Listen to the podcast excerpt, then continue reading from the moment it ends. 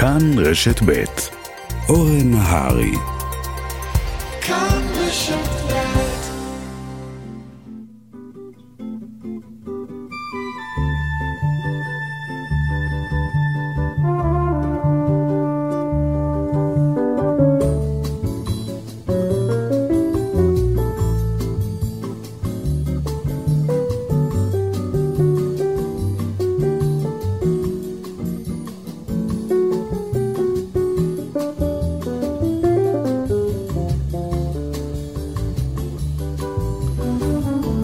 טוב, שבת שלום לכם המאזינות והמאזינים. חודש ספטמבר, אז מצד אחד הילדים והנכדים חוזרים למערכת החינוך, ויש מה להגיד גם עליה, מצד שני זה חודש החגים האינסופיים. אז מצד אחד שלושה חגים, מצד שני למרבה צערם של הילדים, ואני מניח גם לא מעט מבוגרים הרוצים עוד יום-יומיים חופש, גם ראש השנה וגם סוכות נופלים על שישי שבת. אז לא מרוויחים כלום. אבל כתמיד אנחנו כאן כדי לענג ולעניין אתכם בשעתיים הקרובות. עורכת משנה מפיקה סמל היעילות וזו רק אחת ממעלותיה, מאיה טלמון הזרזר. על הביצוע הטכני יאיר ניומן המעולה ואני אורן נהרי. מתחילים.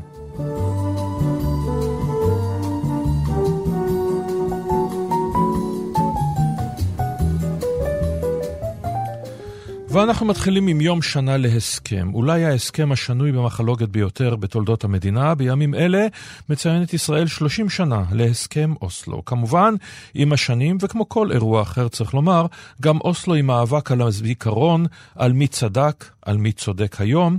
בואו נתחיל עם מירי מסיקה, תקווה.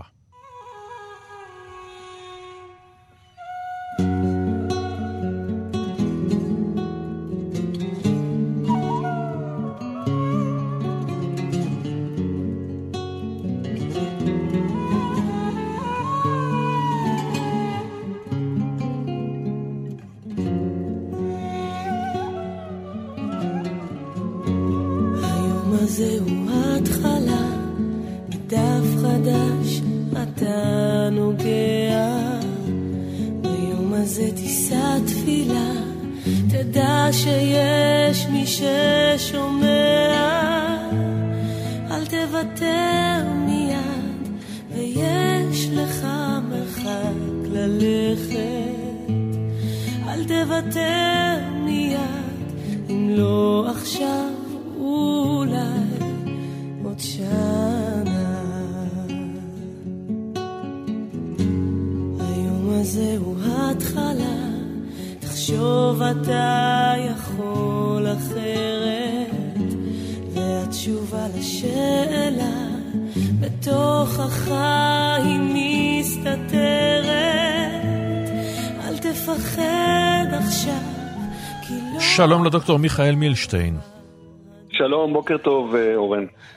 ראש הפורום ללימודים פלסטינים במרכז דיין באוניברסיטת תל אביב, חוקר בכיר באוניברסיטת רייכמן, בעבר ראש הזירה הפלסטינית באמ"ן, יועץ מתאם פעולות הממשלה בשטחים, אחד האנשים הבקיאים ביותר בנושא אוסלו.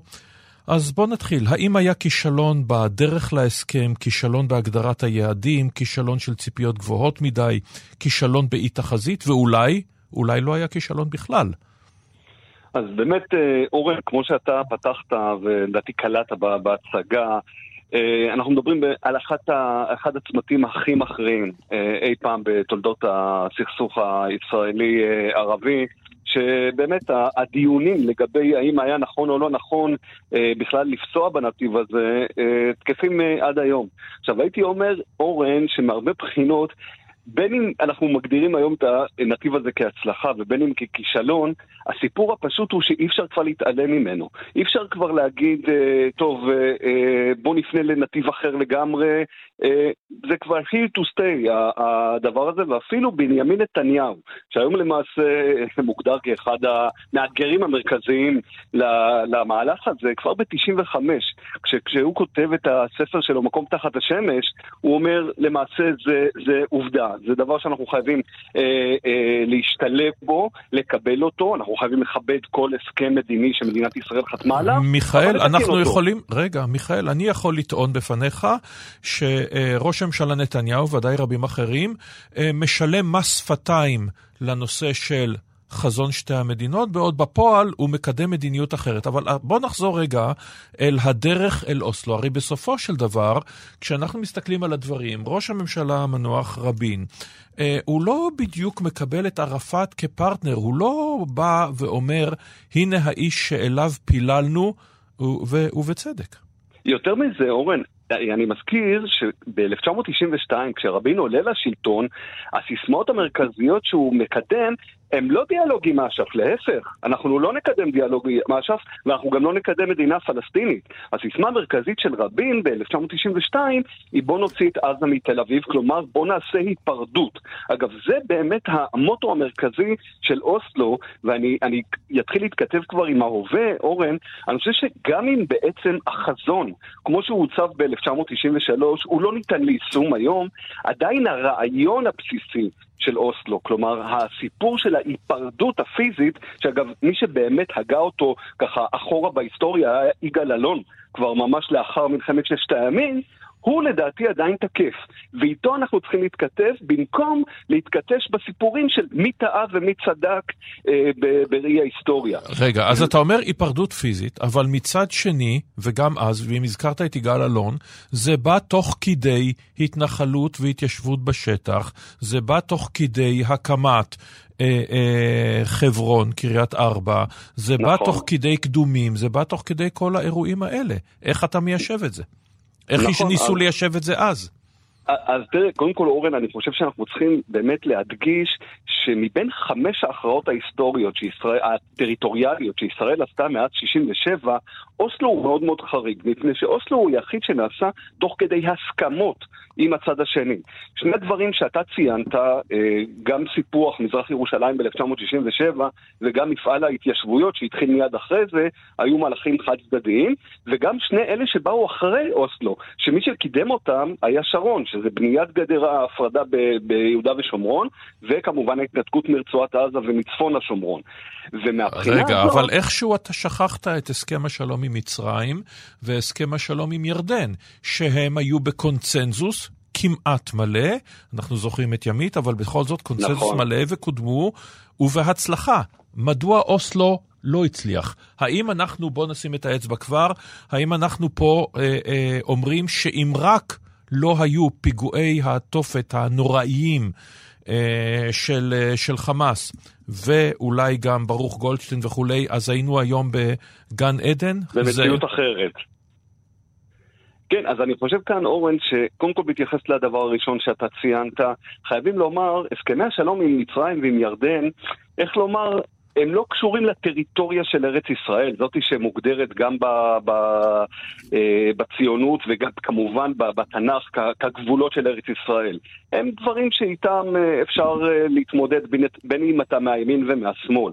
בהקשר של הסכמי אוסלו, אתה נכנס לתוך הקרביים הטריטוריאליים של ארץ ישראל, לסיפורים הכי עמוקים של הדיונים בציונות של איך נראית הארץ. אתה נכנס לירושלים. בדיוק. אתה נכנס לירוש... לפליטים. נכון, נכון.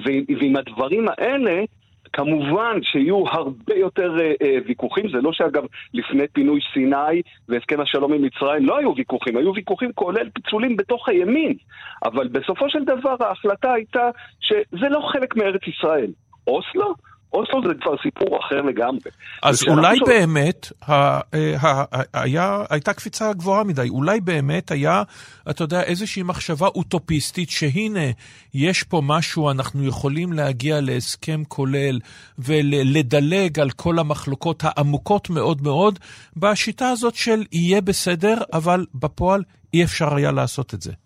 נכון, אז בעצם אה, אורן, בהררי הספרות והמחקרים ההיסטוריים שנכתבו אחרי שאוסלו בעצם התמוטט, כלומר ב-2000, אה, לאחר אה, הסכמי, קריסת הסכמי, דיוני קמפ דיוויד ופרוץ האינתיפאדה השנייה, מה שאתה מציין בעצם מוגדר כאחד הדברים המרכזיים שהיו סיבות לכישלון. כלומר, חוסר ההבנה שיש בעיות יסוד מאוד מרכזיות שלא היו חייבים להתמודד איתן לצד בעיות אחרות שהיה אפשר להתמודד איתן, כמו לדוגמה הסיפור הטריטוריאלי. כי באמת הסיפורים של הפליטים וירושלים זה סיפורים של נרטיבים, ושל זיכרון קולקטיבי, ושל תחושות עמוקות שהן הרבה מעבר לרק עניינים של uh, קביעת גבולות ו- ומספרים. ואני חושב, אורן, שכשאנחנו מסתכלים על השאלה, על השאלה הבסיסית הזאת של איפה התערער או השתבש התהליך, אני חושב שהייתי שם את האצבע ככה ברמה של כותרות על שלושה דברים מרכזיים. אחד זה בעצם העובדה שהתהליך היה ארוך מאוד, כלומר הוא נמשך כמה שנים. ואגב, זה מאוד מעניין שב... פרסום הפרוטוקול של ישיבת הממשלה אה, מ-1993, אה, שדנה באישור ההסכם, מי שעולה שם, הרמטכ"ל אהוד ברק, ואומר, תשמעו, זה ארוך מדי, זה יכול להשתבש, זה, אה, זה באמת הוא, ואירוני בראייה היסטורית הוא שהוא יהיה זה שיהיה קורבן, נקרא לזה ככה, לאותו, לאותו, לאותה בעיה ב-2000 כראש ממשלה. הדבר השני, אני חושב שבמידה מסוימת, וכאן אני אה, עושה סוג של, אה, הייתי אומר, דיון מאוד מאוד נוקב לגבי השאלה של האם בחרנו את הפרטנר הנכון. תראה, פרס בעיקר היה זה שהחליט שאנחנו הולכים אה, לכיוון, אה, לכיוון אה, דיאלוג עם אש"ף, הנהגת אה, אש"ף בחוץ, ולא עם ההנהגה שהתפתחה כאן בפנים, רעיון שאגב רבין נהג יותר. ומהרבה בחינות אנחנו הצלנו את אש"ף כמעט מקריסה באותו, באותו זמן. סימן שאלה מאוד אה, גדול, כי אש"ף מגיע, אה, וזה אומרים לא, לא, לא הישראלים, הפלסטינים, עם כל בעיות או מחלות הילדות שיש למשטרים ערביים אחרים, שזה גם אה, שחיתויות וגם גישה, נקרא לזה, הרבה פחות ליברלית כלפי אה, אה, פוליטיקה ופעילות ציבורית. ומהבחינה הזאת יכול להיות שהיינו צריכים יותר להתמקד בפיתוח ההנהגה פה בפנים ולא לעשות עסקים עם הנהגה אה, בחוץ.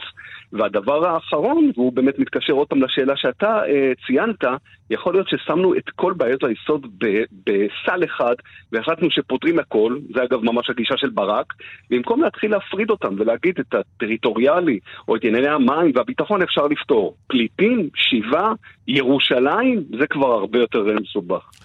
אה, והיום אנחנו מדברים בתבונה שלאחר מעשה, או אנחנו בעצם נכון. בעיצומו, בעיצומם של הדברים, כי הרי לא הפלסטינים ולא אנחנו הולכים לשום מקום, אבל אוסלו, אוסלו כמושג, אוסלו כ... אתה יודע מה, כהסכם חלוקת הארץ, ההס... אה, הוא מת. אה, הייתי אומר שהוא בפרפורי גביעה כמעט לקראת נקודת אה, אל-חזור.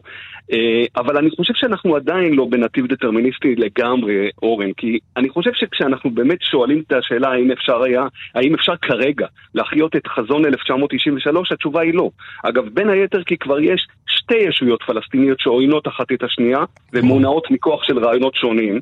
וכמו uh, שאתה ציינת, דמוגרפית, ב-1993 היו 110 אלף מתיישבים ישראלים, מתנחלים. בשטחים. היום אנחנו מדברים על כמעט חצי מיליון, ולפי התוכניות של סמוטריץ', של השר סמוטריץ', אנחנו אמורים להגיע למיליון עוד כמה, עוד כמה שנים, מה שלגמרי ייצור את האפשרות הזאת של איזשהו שרטוט גבולות לבלתי אפשרי. אני חושב שהיום בעצם, אורן, יש לנו שתי אפשרויות בלבד. כל שוק הרעיונות יצטמצם לשתיים. או שאנחנו אה, מקדמים את מה שהולך אגב ו- ומתפתח בהדרגה, והוא המדינה האחת. כן. זה לא מדינה דו-לאומית, אגב, אנשים מתבלבלים. כן, כן. מדינה דו-לאומית היא מדינה ששני לאומים בהסכמה מכוננים, כי אנחנו מדברים על מדינה אחת. אה, הדבר הכי קרוב אליה זה דרום אפריקה, של, אה, של אה, לפני ואחרי האפרטהייד.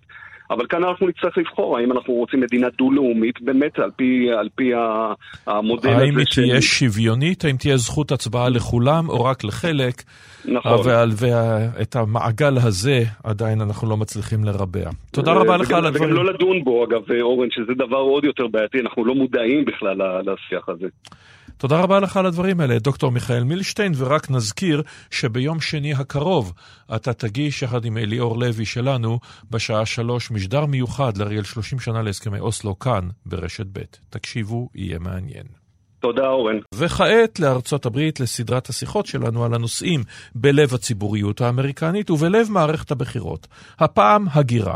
חוקית ובלתי חוקית. בימים אלה, כשמדברים על הגירה בארצות הברית, מדברים בעיקר על ההגירה הלטינית, אז ניכנס לאווירה עם ג'ניפר לופז, ג'יי לו. אל תהיו קטנוניים, אל תאמרו לי ותתקנו אותי שהיא מפוארטו ריקו ועל כן היא לא מהגרת. אני יודע, אבל מי טוב ממנה לייצג את הקהילה הלטינית.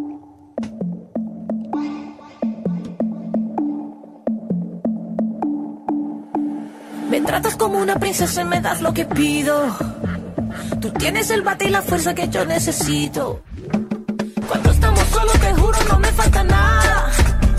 Te pongo un 13 de 10 cuando estamos en la cama. Nunca había sentido algo tan grande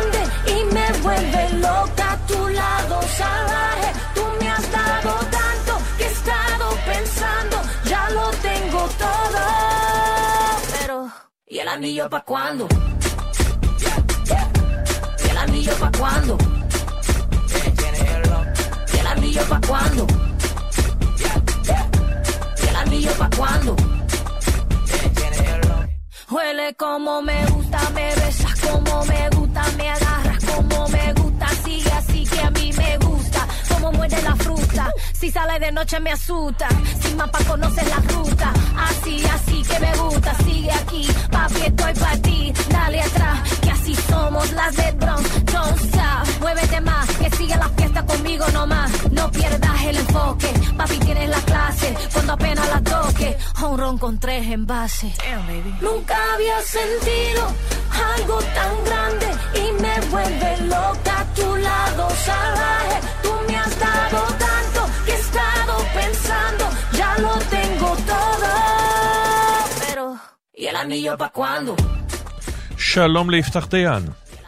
שלום אורן. פרשן לארצות הברית, לפוליטיקה האמריקנית, המילים המפורסמות של אמה לזרוס בבסיס הפסל האמריקני המפורסם מכולם, הגברת עם הלפיד, עדיין רלוונטיות להוויה האמריקניות? הן רלוונטיות בתיאוריה. כשאנחנו מסתכלים על סקרי דעת קהל, גם היום בעצם הגירה זה דבר שרוב הציבור האמריקאי תומך בו, ברמת הכותרת. אבל אנחנו לא בתקופה מוצלחת במיוחד להגירה ולמהגרים. הגם שהסקרים האלה מראים שהרוב תומכים בהגירה, המתנגדים נמצאים ב-high watermark, בנקודה הכי גבוהה שהם אי פעם היו. זאת אומרת, הפער בין התמיכה להתנגדות היא הכי קטן שהיה מאז שגלופ התחילו לעקוב אחר השאלה הזו. ומבחינת המדיניות בפועל, בכל מה שקשור למבקשי מקלט ולאנשים שמגיעים ממקומות באמת אה, אה, במצבים קשים ובלי חלופות או אלטרנטיבות, הממשל האמריקאי הנוכחי, שאמור להיות אה, מייצג של הצד הליברלי יותר, ההומני יותר, החנון יותר, לא מיישם מדיניות שאפשר לתאר אותה כידידותית או אפילו אה, אה, הומנית כלפי מבקשי מקלט. אז בואו בוא נפריד את הדברים, כמו בישראל, בין מהגרים חוקיים לבין מהגרים לא חוקיים. אז אתה אומר ראשית שישנה תמיכה בהגירה חוקית, שאגב גם זה לא מובן מאליו, כי למשל במרבית מדינות אירופה יש התנגדות גם לזה, או בחלק גדול מהן. ישנה תמיכה, אבל הם באים ואומרים, אותם מסתננים שמגיעים, מגיעים מהדרום, אותם אלה שבאים, המקסיקנים והאחרים, הם באים, הם לא חוקיים, הם עול על מערכת הרווחה, על מערכת הבריאות, אין עבודה, הספינה מלאה, אנחנו זוכרים את הביטוי הזה מפעם, וכמובן הם מביאים, איך אמר טראמפ, הם מביאים סמים, הם מביאים אלימות, אנחנו לא מעוניינים בהם, וזה לגיטימי. כל מדינה יכולה להחליט לסגור את גבולותיה. נכון, אני, אני אנצל את ההזדמנות רק כדי לעשות איזושהי הבחנה קטנה. הרבה פעמים אנשים מתבלבלים וחושבים שההגירה מגבול מקסיקו היא של מקסיקנים. זו תופעה הם באים יותר כן. מהדרום, כן, כמובן. נכון, הם, הם מגיעים בעיקר, מ, מ, מ, בימים אלו, הם מגיעים בעיקר מניקרגואה. גואטמלה, הונדורס ועוד. הונדורס, והיום במיוחד מוונצואלה ומקובה. במיוחד מוונצואלה לאור המשבר ההומניטרי שם. אבל כן, אה, גם הגירה חוקית בארצות הברית אה, אה, חובה הידרדרות במיוחד בצד המצביעים השמרנים או הרפובליקנים. תחת טראמפ היה בהחלט דיבור, גם שלא קרה עם זה שום דבר, על להקשיח גם את ה... חוקים של ההגירה החוקית, להפוך את זה כך שיהיה בעצם מבוסס על יכולות בלבד ולא רק על מה שיש היום, על לוטו שאפשר לזכות בוויזות בערך מכל מקום בעולם, גם אם הסיכויים לזה הם נמוכים. וטראמפ בהחלט גם שינה כל מיני דברים שקשורים לוויזות, במטרה באמת להקשיח גם את ההגירה החוקית, וקהל הבוחרים שלו מתנגד גם לזה. באשר להגירה הלא חוקית, אה, או להגירה ש- שאינה בצינורות המקובלים, כי הרבה פעמים מדובר שם על מבקשי מקלט, mm-hmm. שם באמת היו שינויים מאוד דרמטיים. כי מהגרים לא חוקיים זאת קבוצה אחת, אבל יש גם מבקשי מקלט שבקשת מקלט היה דבר כשלעצמו חוקי בארצות הברית עד לא מזמן. ואז באמת נשאלת השאלה, מה היחס שניתן לתת להם? עד כמה מות... אה, פותחים את הגבול, או עד כמה מאפשרים להם בכלל איזשהו הליך מסודר? האם מאפשרים להם לשהות בארצות הברית במהלך ההליך הזה או לא, עד לא מזמן זה היה מאוד לגיטימי להניח שהם יכולים להיות בארצות הברית לפחות עד שבית משפט יפסוק בעניינם, והיום, תחת טראמפ וביידן, זה כבר הפך להיות מציאות שכמעט ולא קיימת, שמבקשי מקלט נכנסים לארצות הברית בעודם מבקשים את המקלט. ומעטים יותר גם מצליחים בסופו של דבר להיכנס. ואנחנו מדברים על מספרים אדירים, אנחנו מדברים על כמיליון איש בשנה. נכון, אנחנו מדברים על מספרים גדולים, אנחנו מדברים על אנשים שהיום אה, בעצם מוצאים את עצמם לתקופות ממושכות מאוד במקסיקו, בעיירות גבול, mm-hmm. במצבים אה, אה, הומניטריים קשים מאוד, זאת אומרת, ממשלת מקסיקו אה, בעצם קיבלה סוג של דיל עם ממשל ביידן, שבמסגרתו הם מחזיקים את האנשים האלה בעודם עוברים איזשהו תהליך מאוד איטי ומסורבל של בחינת הזכאות שלהם למקלט מדיני. למקסיקו לא ממש הייתה ברירה אלא לקבל את הדיל הזה, כי יש לה כל מיני דברים שהיא רוצה בתמורה מארצות הברית, כמו לדוגמה שקט במדיניות שהיא מקדמת, ואנחנו באמת רואים מספרים גדולים מאוד, חיים בדוחק קשה. הייתה שריפה גדולה אה, בתחילת השנה שבה גם נהרגו 40 אה, ומשהו אה, מבקשי מקלט שהיו בעצם במין מתקן שהוא חצי שהות וחצי מעצר.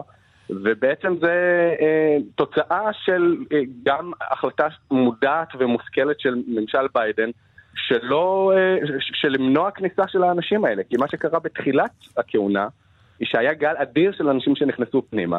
המושלים הרפובליקנים עזרו לאותם אה, אה, מבקשי מקלט למצוא את דרכם בצורה כזאת או אחרת לערים הדמוקרטיות הגדולות, והערים הדמוקרטיות הגדולות אמרו לביידן, אנחנו לא מסוגלים להתמודד עם זה. ואנחנו צריכים שתעצור, תבלום את הגבול, וזה מה שהוא עשה. ובעצם אין היום קול שבא ואומר כמו פעם, תנו לי את העניים, תנו לי את האומללים ונקבל אותם. אה, האמת, גם פעם זה לא היה מי יודע מה. יש הרבה מאוד מיתוסים בנושא הזה. ארה"ב סגרה שוב ושוב ושוב את גבולותיה, את אליס איילנד ומקומות אחרים, כי היא רצתה, איך לומר, אנשים לבנים עמידים ולא אנשים פחות לבנים שהם אה, אה, עניים. אבל היום... גם הדמוקרטים וגם הרפובליקנים המיינסטרים מתנגדים חד משמעית להגירה לא חוקית. לא מקבלים כן. אותה.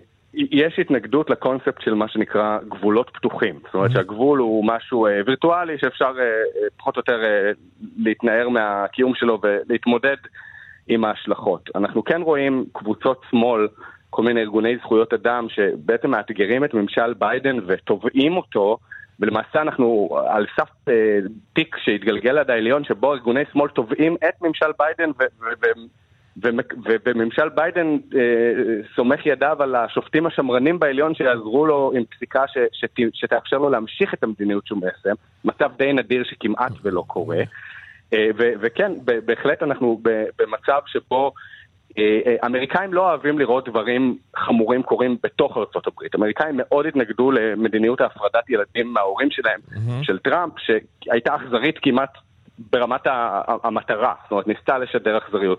אבל המצב ההומניטרי שקורה במקסיקו תחת ממשל ביידן מעסיק לא אנשים הרבה פחות. לא מאוד רחוק מזה. לא האמת לא מדובר רחוק. פה בכישלון, צריך לומר, כישלון בפרויקט ש... אה, שהוטל על אה, סגנית הנשיא קמלה האריס, אה, היה אמור לבנות אותה ובעצם מוטט את מעמדה, אם אפשר לומר כך. נכון, אה, היו כל מיני תורמים, אני חושב, לדבר הזה, אבל אין ספק שהכישלון והעובדה ש, שהיא הפכה להיות אה, נערת הפוסטר במרכאות של הכישלון, עם האמירה המפורסמת של ה-do not come למהגרים שמנסים להגיע לגבול, בהחלט לא עזר לה להתמצב כאיזושהי אלטרנטיבה, אפילו במידה וביידן היה מחליט אה, שלא להתמודד לכהונה נוספת. ובאמת זה כישלון, זה כישלון הומניטרי. אה, אבל חייבים לציין, ביידן לא, לא משלם על זה אה, מחירים מאוד מאוד גבוהים בקרב מצביעיו. היינו מצפים שהיספנים, שאנשים ליברליים, אה, יתמכו בביידן פחות על רקע הדבר הזה. אכן יש שחיקה בתמיכה של ביידן, היא נובעת יותר מעניינים כמו הגיל שלו, אבל הנושא הזה לא עולה לתודעה יותר מדי, בתקשורת אין שיח גדול מדי בנושא הזה. הרפובליקנים מנסים לרכב על גל ההגירה המשמעותי שקרה בתחילת הכהונה של ביידן כאיזושהי ראייה לגישה מאוד מתירנית וליברלית של ביידן ושל הדמוקרטים, למרות שהיום המציאות בשטח היא כבר הפוכה מבחינת מה קורה על הגבול.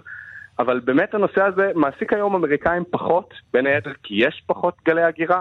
אם ב-2016 טראמפ מינף את הנושא הזה כקלף מנצח, אז לא ברור לגמרי איזה מין תפקיד זה הולך לשחק במערכת הבחירות הקרובה, ולא ברור אם ביידן ישלם מחיר על בעצם... אה, אה, סוג של בגידה בהבטחת הבחירות שלו. אולי הנושא כן, שבו אבל... הוא הלך הכי רחוק ממה שהוא הבטיח שהוא ילך. נכון, אבל אתה יודע, יש אולי גם בארצות הברית, לא אולי, די בטוח, את תופעת המערכון המפורסם מלול, שבו כל גל הגירה מהרגע שהוא הגיע, התייצב, התחיל להתעשר ולהתמסד, הוא מסתכל על המהגרים החדשים ואומר, האנשים האלה רק מפריעים לנו שילכו מכאן, שלא יגיעו אלינו בכלל, ועדיין, בסופו של דבר, ההיספנים, עד כמה הם, ואני יודע, אין דין הקובאנים בפלורידה כדין מקסיקני בקליפורניה וכולי וכולי, עד כמה הם אה, אה, מצביעים לדמוקרטים מול הרפובליקנים, ככה ככלל אצבע?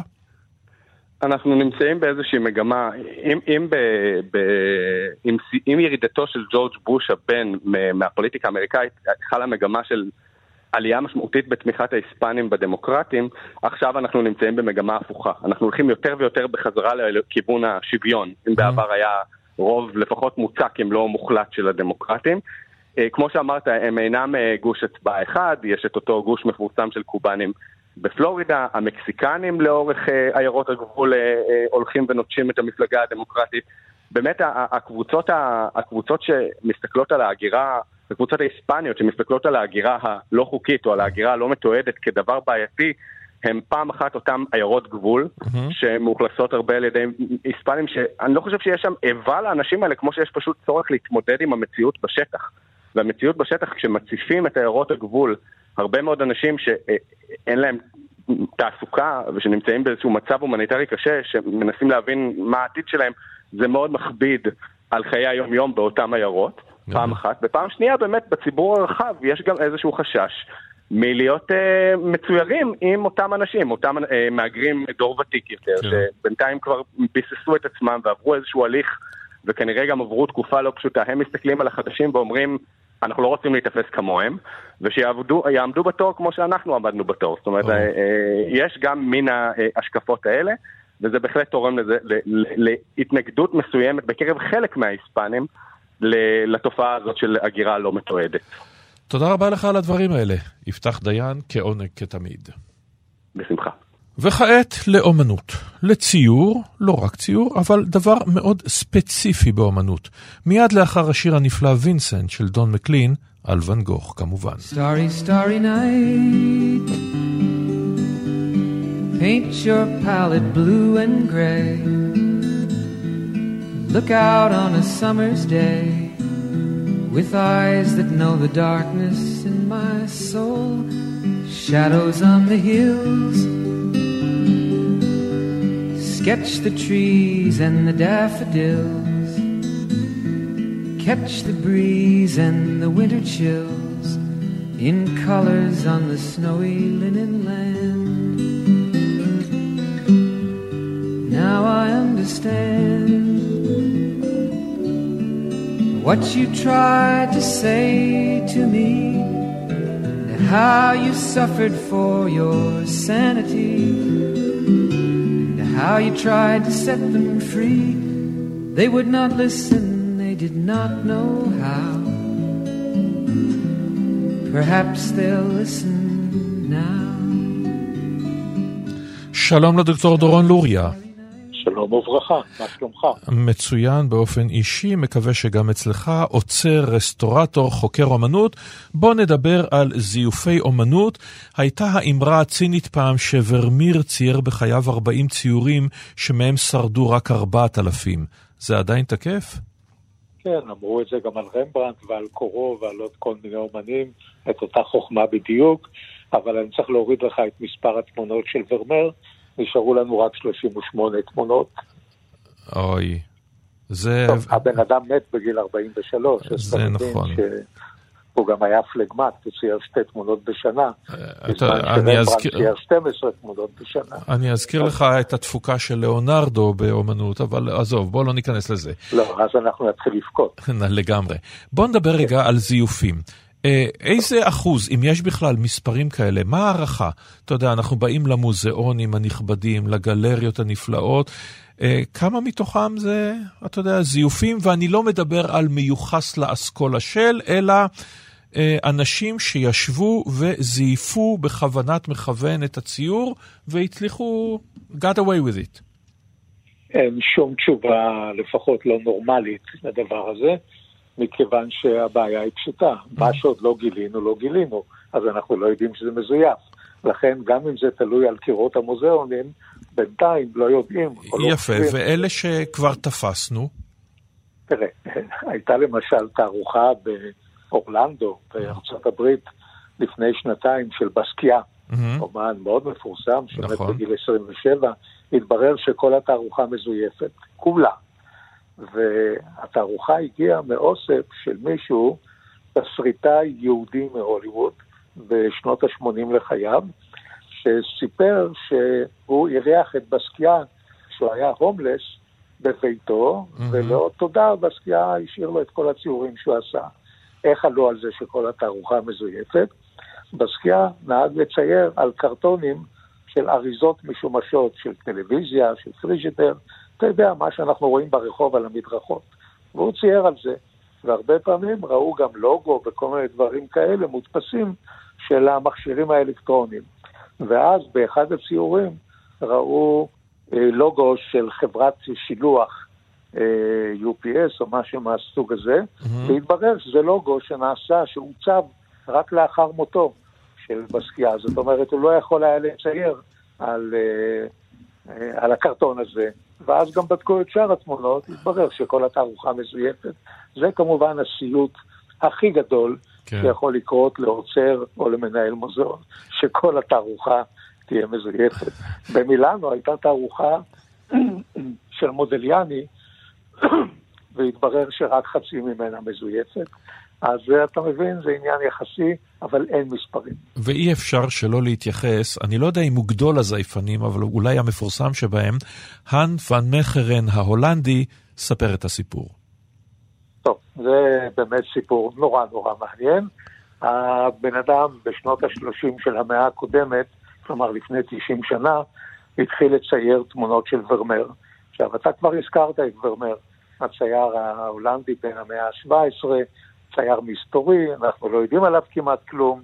הייתה תערוכה גדולה שלו לפני חודשיים ברייס מוזיאון באמסטרדם. על כל פנים, פנמייכרן, שהיה בעצמו צייר מתוסכל, אה, חשב בהיגיון ובחוכמה.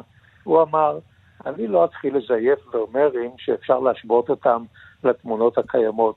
אני אמציא תקופה חדשה, תקופה שלא הייתה ולא נבראה, בקריירה של ורמר, לפיה בצעירותו הוא עזב את דלפט. עיר הולדתו בהולנד, נסע לאיטליה, הושפע עמוקות מהצייר קרווג'ו, וחזר להולנד לצייר בסגנון חצי קרווג'יסטי. וזה מה שהוא עשה, אבל לא הייתה תקופה כזאת, אז לא היה למה להשוות את התמונות שהתחילו לפתע לצוץ בשוק, שהתמונה הראשונה נקראה הסעודה באמאוס, סיפור מהברית החדשה על, כן, ישו, והתמונה התגלתה על ידי גדול המומחים באותו זמן, דוקטור אברהם ברדיוס, שכתב עליה מילות שבח לא נורמליות, וגדולי המוזיאונים בהולנד התחרו ביניהם מי יזכה לרכוש אותה. זכה בה מוזיאון של רוטרדם, מוזיאון בוימן בויניגן, ששילם אה, יותר מחצי מיליון גילדן, זה היה אז יותר ממיליון דולר, זה היה אז המון כסף ליצירת אומנות, ובעקבות ההצלחה של התמונה הזאת התחילו לזרום תמונות לשוק, לטפטף ואת כולם צייר ואן מייחרן. הבעיה הגדולה הייתה שאחד הקליינטים היה הרמן גרינג, הנאצי, מרשל האווירייה mm-hmm. של היטלר. ו... ואספן אומנות, צריך לומר, בין השאר. אספן אומנות נלהב. כן. בוזז אומנות. רגיש, אתה יודע, כן. כן. והוא כמובן התאבד רגע לפני תלייתו בנירנברג ב-47. על כל פנים, ב-45 הצבא האמריקאי מצא את האוסף שלו במכרה מלח נטוש במערב אוסטריה.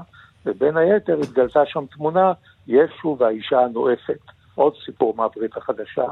האמריקאים העבירו את התמונה להולנדים, ההולנדים תפסו את פנמייכרן, שהיה החוליה האחרונה בשרשרת שמכרה את זה לגרינג, והאשימו אותו בבגידה במכירת אוצר לאומי לאויב, שעל זה היה עונש מוות mm-hmm.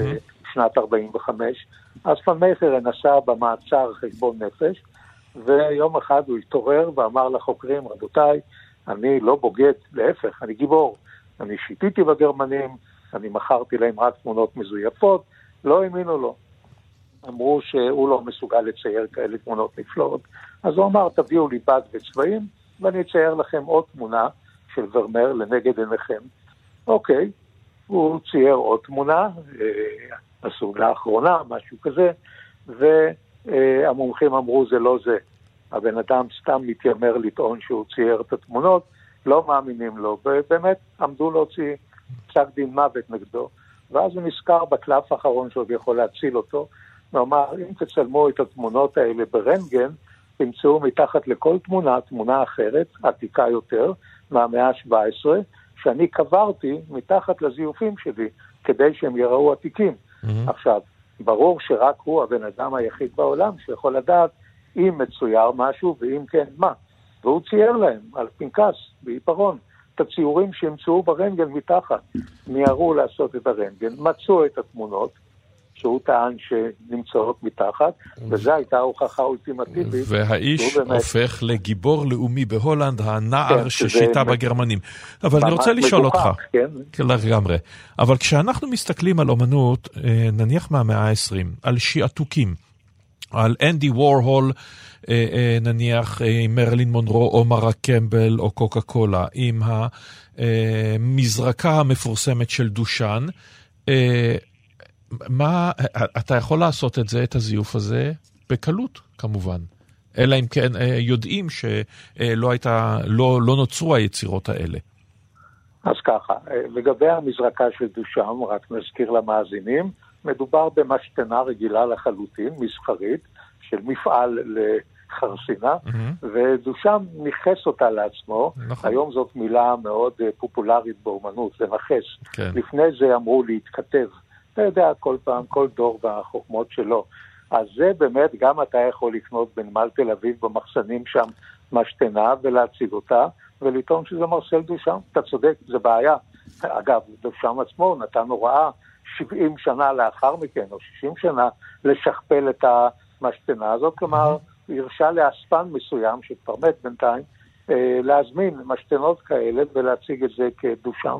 אז זה מעורר בהחלט שאלה מה אמיתי כאן ומה לא. לעומת זאת, אנדי וורול, תראה, אלה יצירות שהוא לא נגע בהן בעצם, אנדי עצמו. Mm-hmm. היה לו סטודיו שנקרא The Factory, בית החרושת. אז אנדי וורהול היה נוהג לגזור צילום מעיתון, נגיד של מרלין מונרו, או okay. כן. ג'קי קנדי, או אלוויס פרסלי, והוא אומר לאסיסטנט אחד, אה, תצלם את זה על בד, כלומר בשביל לעשות silkscreen, דפוס משי. Okay. כן. לאסיסטנט השני הוא אומר, תכין לי גליל בד עם צבע כסף עליו באורך 20 מטר. טוב, ההוא הכין. והשלישי אומר, עכשיו תדפיס כמה מרלין מונרו או אלביסים שאתה יכול על הגליל הזה. ואז הוא שלח את הגליל הזה לסופר שלו, קסטלי, ואמר לו, כשיבואו קליינטים אתה תחתוך להם לפי התקציב שלהם. אם יש להם תקציב קטן, תמכור להם אלביס אחד.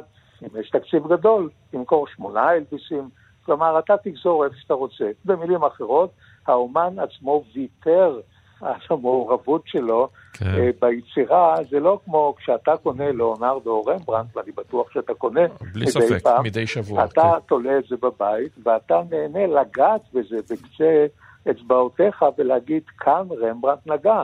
ועכשיו אני נוגע בזה. אבל, אבל זה כבר... אבל אנדי וורול זה ממילא מושג מסחרי, וזה חלק מהפופ-ארט, והוא שייך לפופ-ארט. אבל זה כבר אה, לוקח אותנו לדיון אחר שעוד נעשה אותו בקרוב, על בין שעתוק לאוריגינל, שזה נושא מרתק שלעצמו. תודה רבה לך על הדברים גם, האלה. אל תשכח גם הומאז' לגמרי.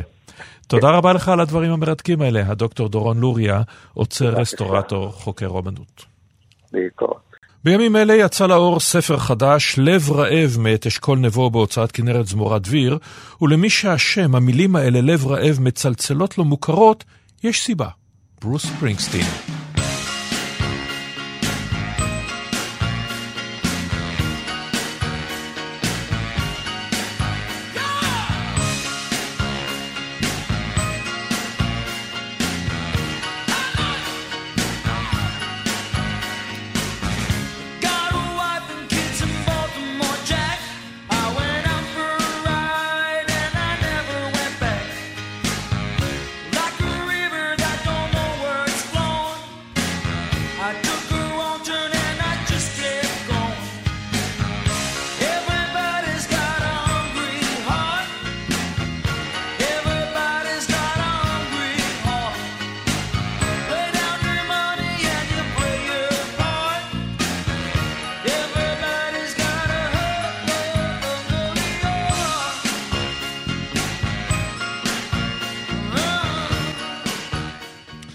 שלום לאשכול נבו.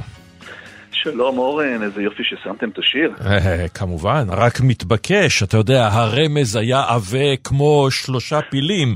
בכל זאת, הסיפור הראשון בספר, סופר, אה, אפשר לבוא ולומר, אחד הסופרים, אם לא הפופולריים והנמכרים ביותר בארץ, מחבר כבר רב-מכר החדש, לב רעב.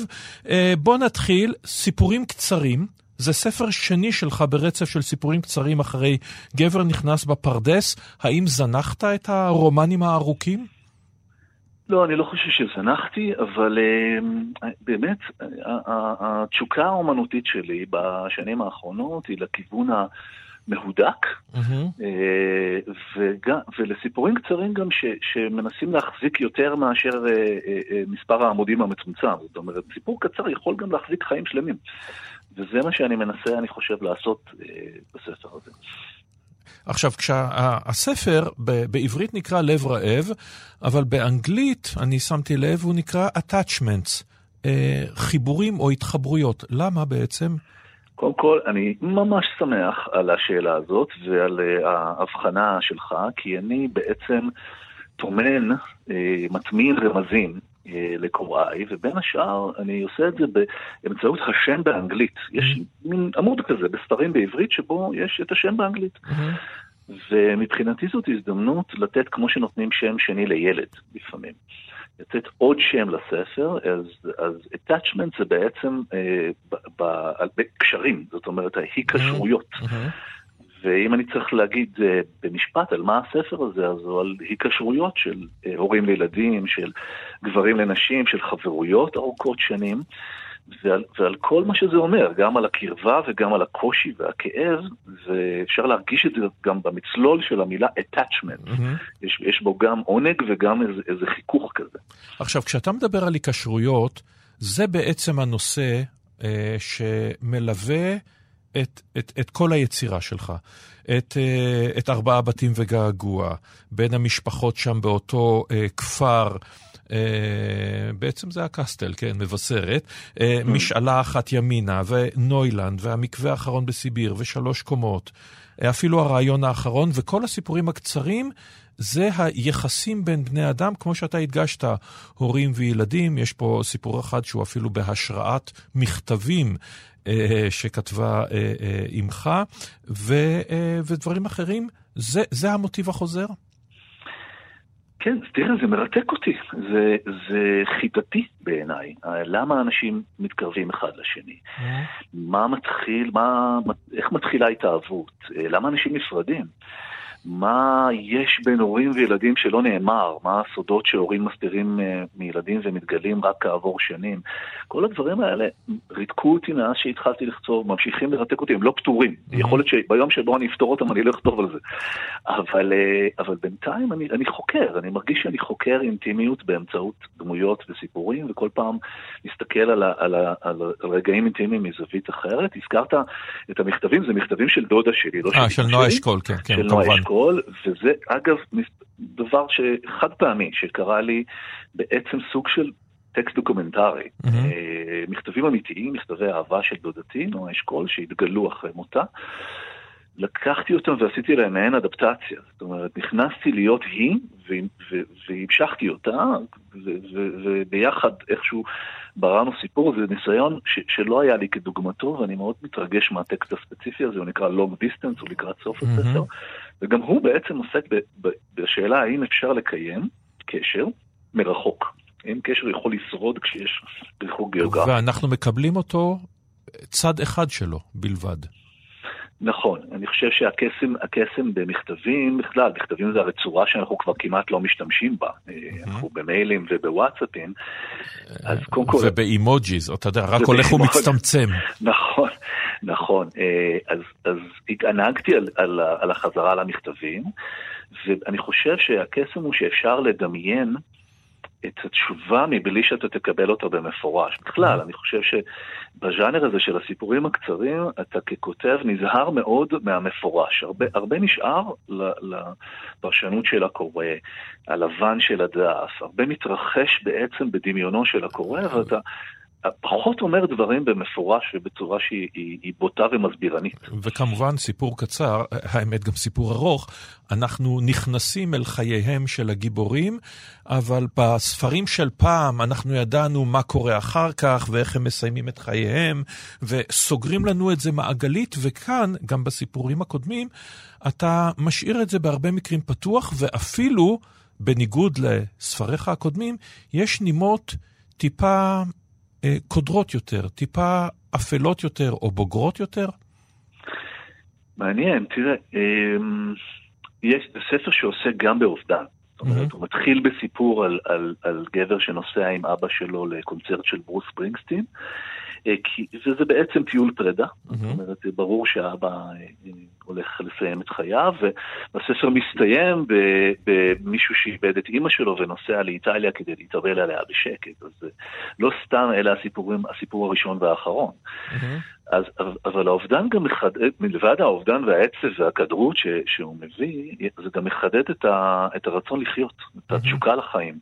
אני חושב שאנשים שנמצאים במגע קרוב עם המוות, בין אם מוות של אדם קרוב, או, או, או נגיד הקורונה ש, שככה שטפה את חיינו ב, בש, ב, ב, לפני שנתיים, זה מחדד להם גם את, את התשוקה לחיים וגם את השאלה איך אני רוצה לחיות את חיי מכאן והלאה. ברור. ונדמה לי שבצומת הזה הדמויות של הספר אה, נמצאות. כמובן, לא כל הסופרים הישראלים ואפילו לא רובם חייבים לעשות את הצ'קליסט של השואה ומלחמות ואובדן וישראל הראשונה והשנייה וכל הדברים האלה שאנחנו קוראים אותם אה, לא מעט. אתה בספרים שלך, אתה, אתה נוגע בדברים האלה, אתה נוגע בישראל אה, בנגיעות עדינות, אה, בהומור, אה, העלייה מברית המועצות וכולי במקווה האחרון בסיביר, הציונות ומה היא היום בנוילנד, אה, כמובן בבורגנות הישראלית במשאלה אחת ימינה, וביחסים בינינו לבין הפלסטינים, וכמובן בינינו לבין עצמנו ארבעה בתים וגעגוע וכולי וכולי. שלוש קומות עם המחאה, אבל ב... בעדין, לא, לא בתופים וחצוצרות, לא בסימני קריאה. תראה, זה, זה בלתי נמנע. כשאתה חי, אולי, אולי אם הייתי חי במדינה אחרת, אה, יכולתי לכתוב מבלי להתייחס למה שקורה סביבי. המקום שאנחנו חיים בו הוא כל כך אינטנסיבי, mm. והרושם שהוא משאיר הוא כל כך עז, שזה מחלחל גם לנפשו של הכותב וגם לתוך מערכות יחסים, לתוך ההיקשרויות. זה, זאת אומרת, זה לא שאני יושב ומתכנן שאני רוצה לגעת בנושאים כאלה ואחרים בחברה הישראלית, זה קורה מאליו. Mm-hmm. הגיבור שלי מגיע לכפר שאול, למשל, זה בית חולים לחולי נפש בירושלים. Mm-hmm. כפר שאול, מסתבר לו, יושב על האדמות של אה, הכפר הפלסטיני, דיר יאסין, ואז יש לך כבר מאליו את השאלה של, של, מי, של מי הבית הזה, ואיזה, איזה, מה מוכחש ומה, ועל מה, מה לא מדובר בתרבות הישראלית. בהערה באישי, אה, במקום הזה, אה, בית החולים על שם הרבנית הרצוג, כפר שאול, אושפזה אימי, כאשר הייתה לה דימנציה, וכל פעם כשהגעתי לשם ושמעתי את הצעקות ושומעים את הצעקות של החולים ה... בתוך נפשם, שזה זוועת אלוהים, אבל זה סיפור אחר, לא על זה באנו לדבר פה, אתה יודע, ואתה רואה את המראות ואת הדשא הירוק, כן, אתה חושב גם על ההיסטוריה הזו. אז, אז כן, ההיסטוריה צפה מאליה, וגם דברים עכשוויים, זאת אומרת, כש... בסיפור שנקרא החומר של דנדן, יש לנו מישהו שיש לו, הוא, הוא, הוא, הוא זוכה ממשרד הבריאות למריחואנה רפואית, מה שמניע את כל העלילה. עכשיו, mm-hmm. למה הוא זוכה? למה הוא מקבל את זה? כי הוא נפגע בפיגוע. Mm-hmm. שזה, זה, זה, הרי, הרי אלה המעגלים שאנחנו מסתובבים בהם, זה, זה בלתי נמנע. אני, אני... וגם בסיפור, אופן... וגם בסיפור הזה, הקודר והעצוב, עם הפיגוע, עם הטראומה, עם האדם הזה שבקושי שורד, בבסיסו נמצאת האהבה. אהבה וחברות גם. אני חושב ש... אמ, מטבעי ובבסיסי אני אדם ש, שמאמין ביכולת של אנשים להיטיב אחד עם השני. Mm-hmm. אני, אני באמת מאמין בזה. אני גם מאמין בחברה הישראלית ביכולת שלה אה, לקום מהמשברים שלה ו, ולמצוא את הדרך המשותפת. אז, אז, אז קודר וקונפליקטואלי ו, ולפעמים ממש מיוסר וכואב, אבל, אבל יש אה, בסופו של דבר, כשאני צריך לבחור איך לסיים סיפורים, אני מסיים אותם עם חסד. עם חסד ועם אופטימיות מסוימת, לא מובן מאליו. תודה רבה לך על הדברים האלה. אשכול נבו. תודה על השיחה ועל השאלות העצבוניות, זה היה ממש תענוג. גם לי. אשכול נבו, מחבר, לב רעב, תקראו, מעניין.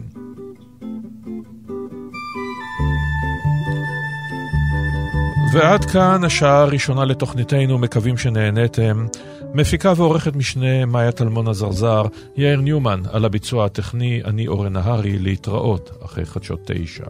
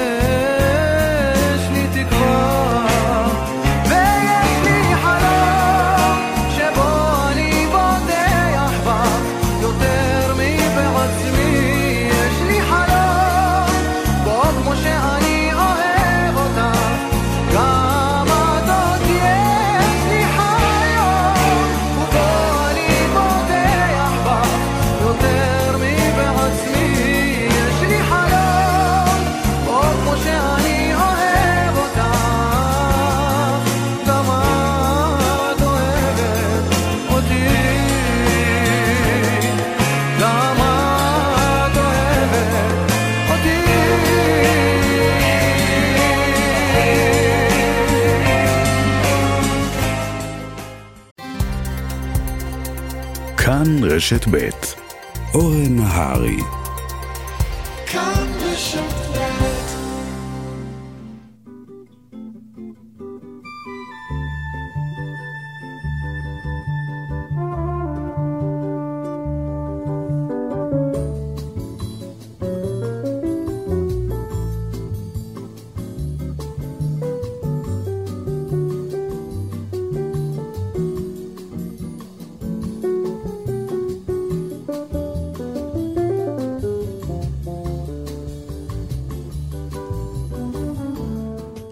שלום רב לכולם. השעה השנייה בתוכניתנו, מאיה טלמון הזרזר, מפיקה ועורכת משנה, יאיר ניומן על הביצוע הטכני, אני אורן נהרי.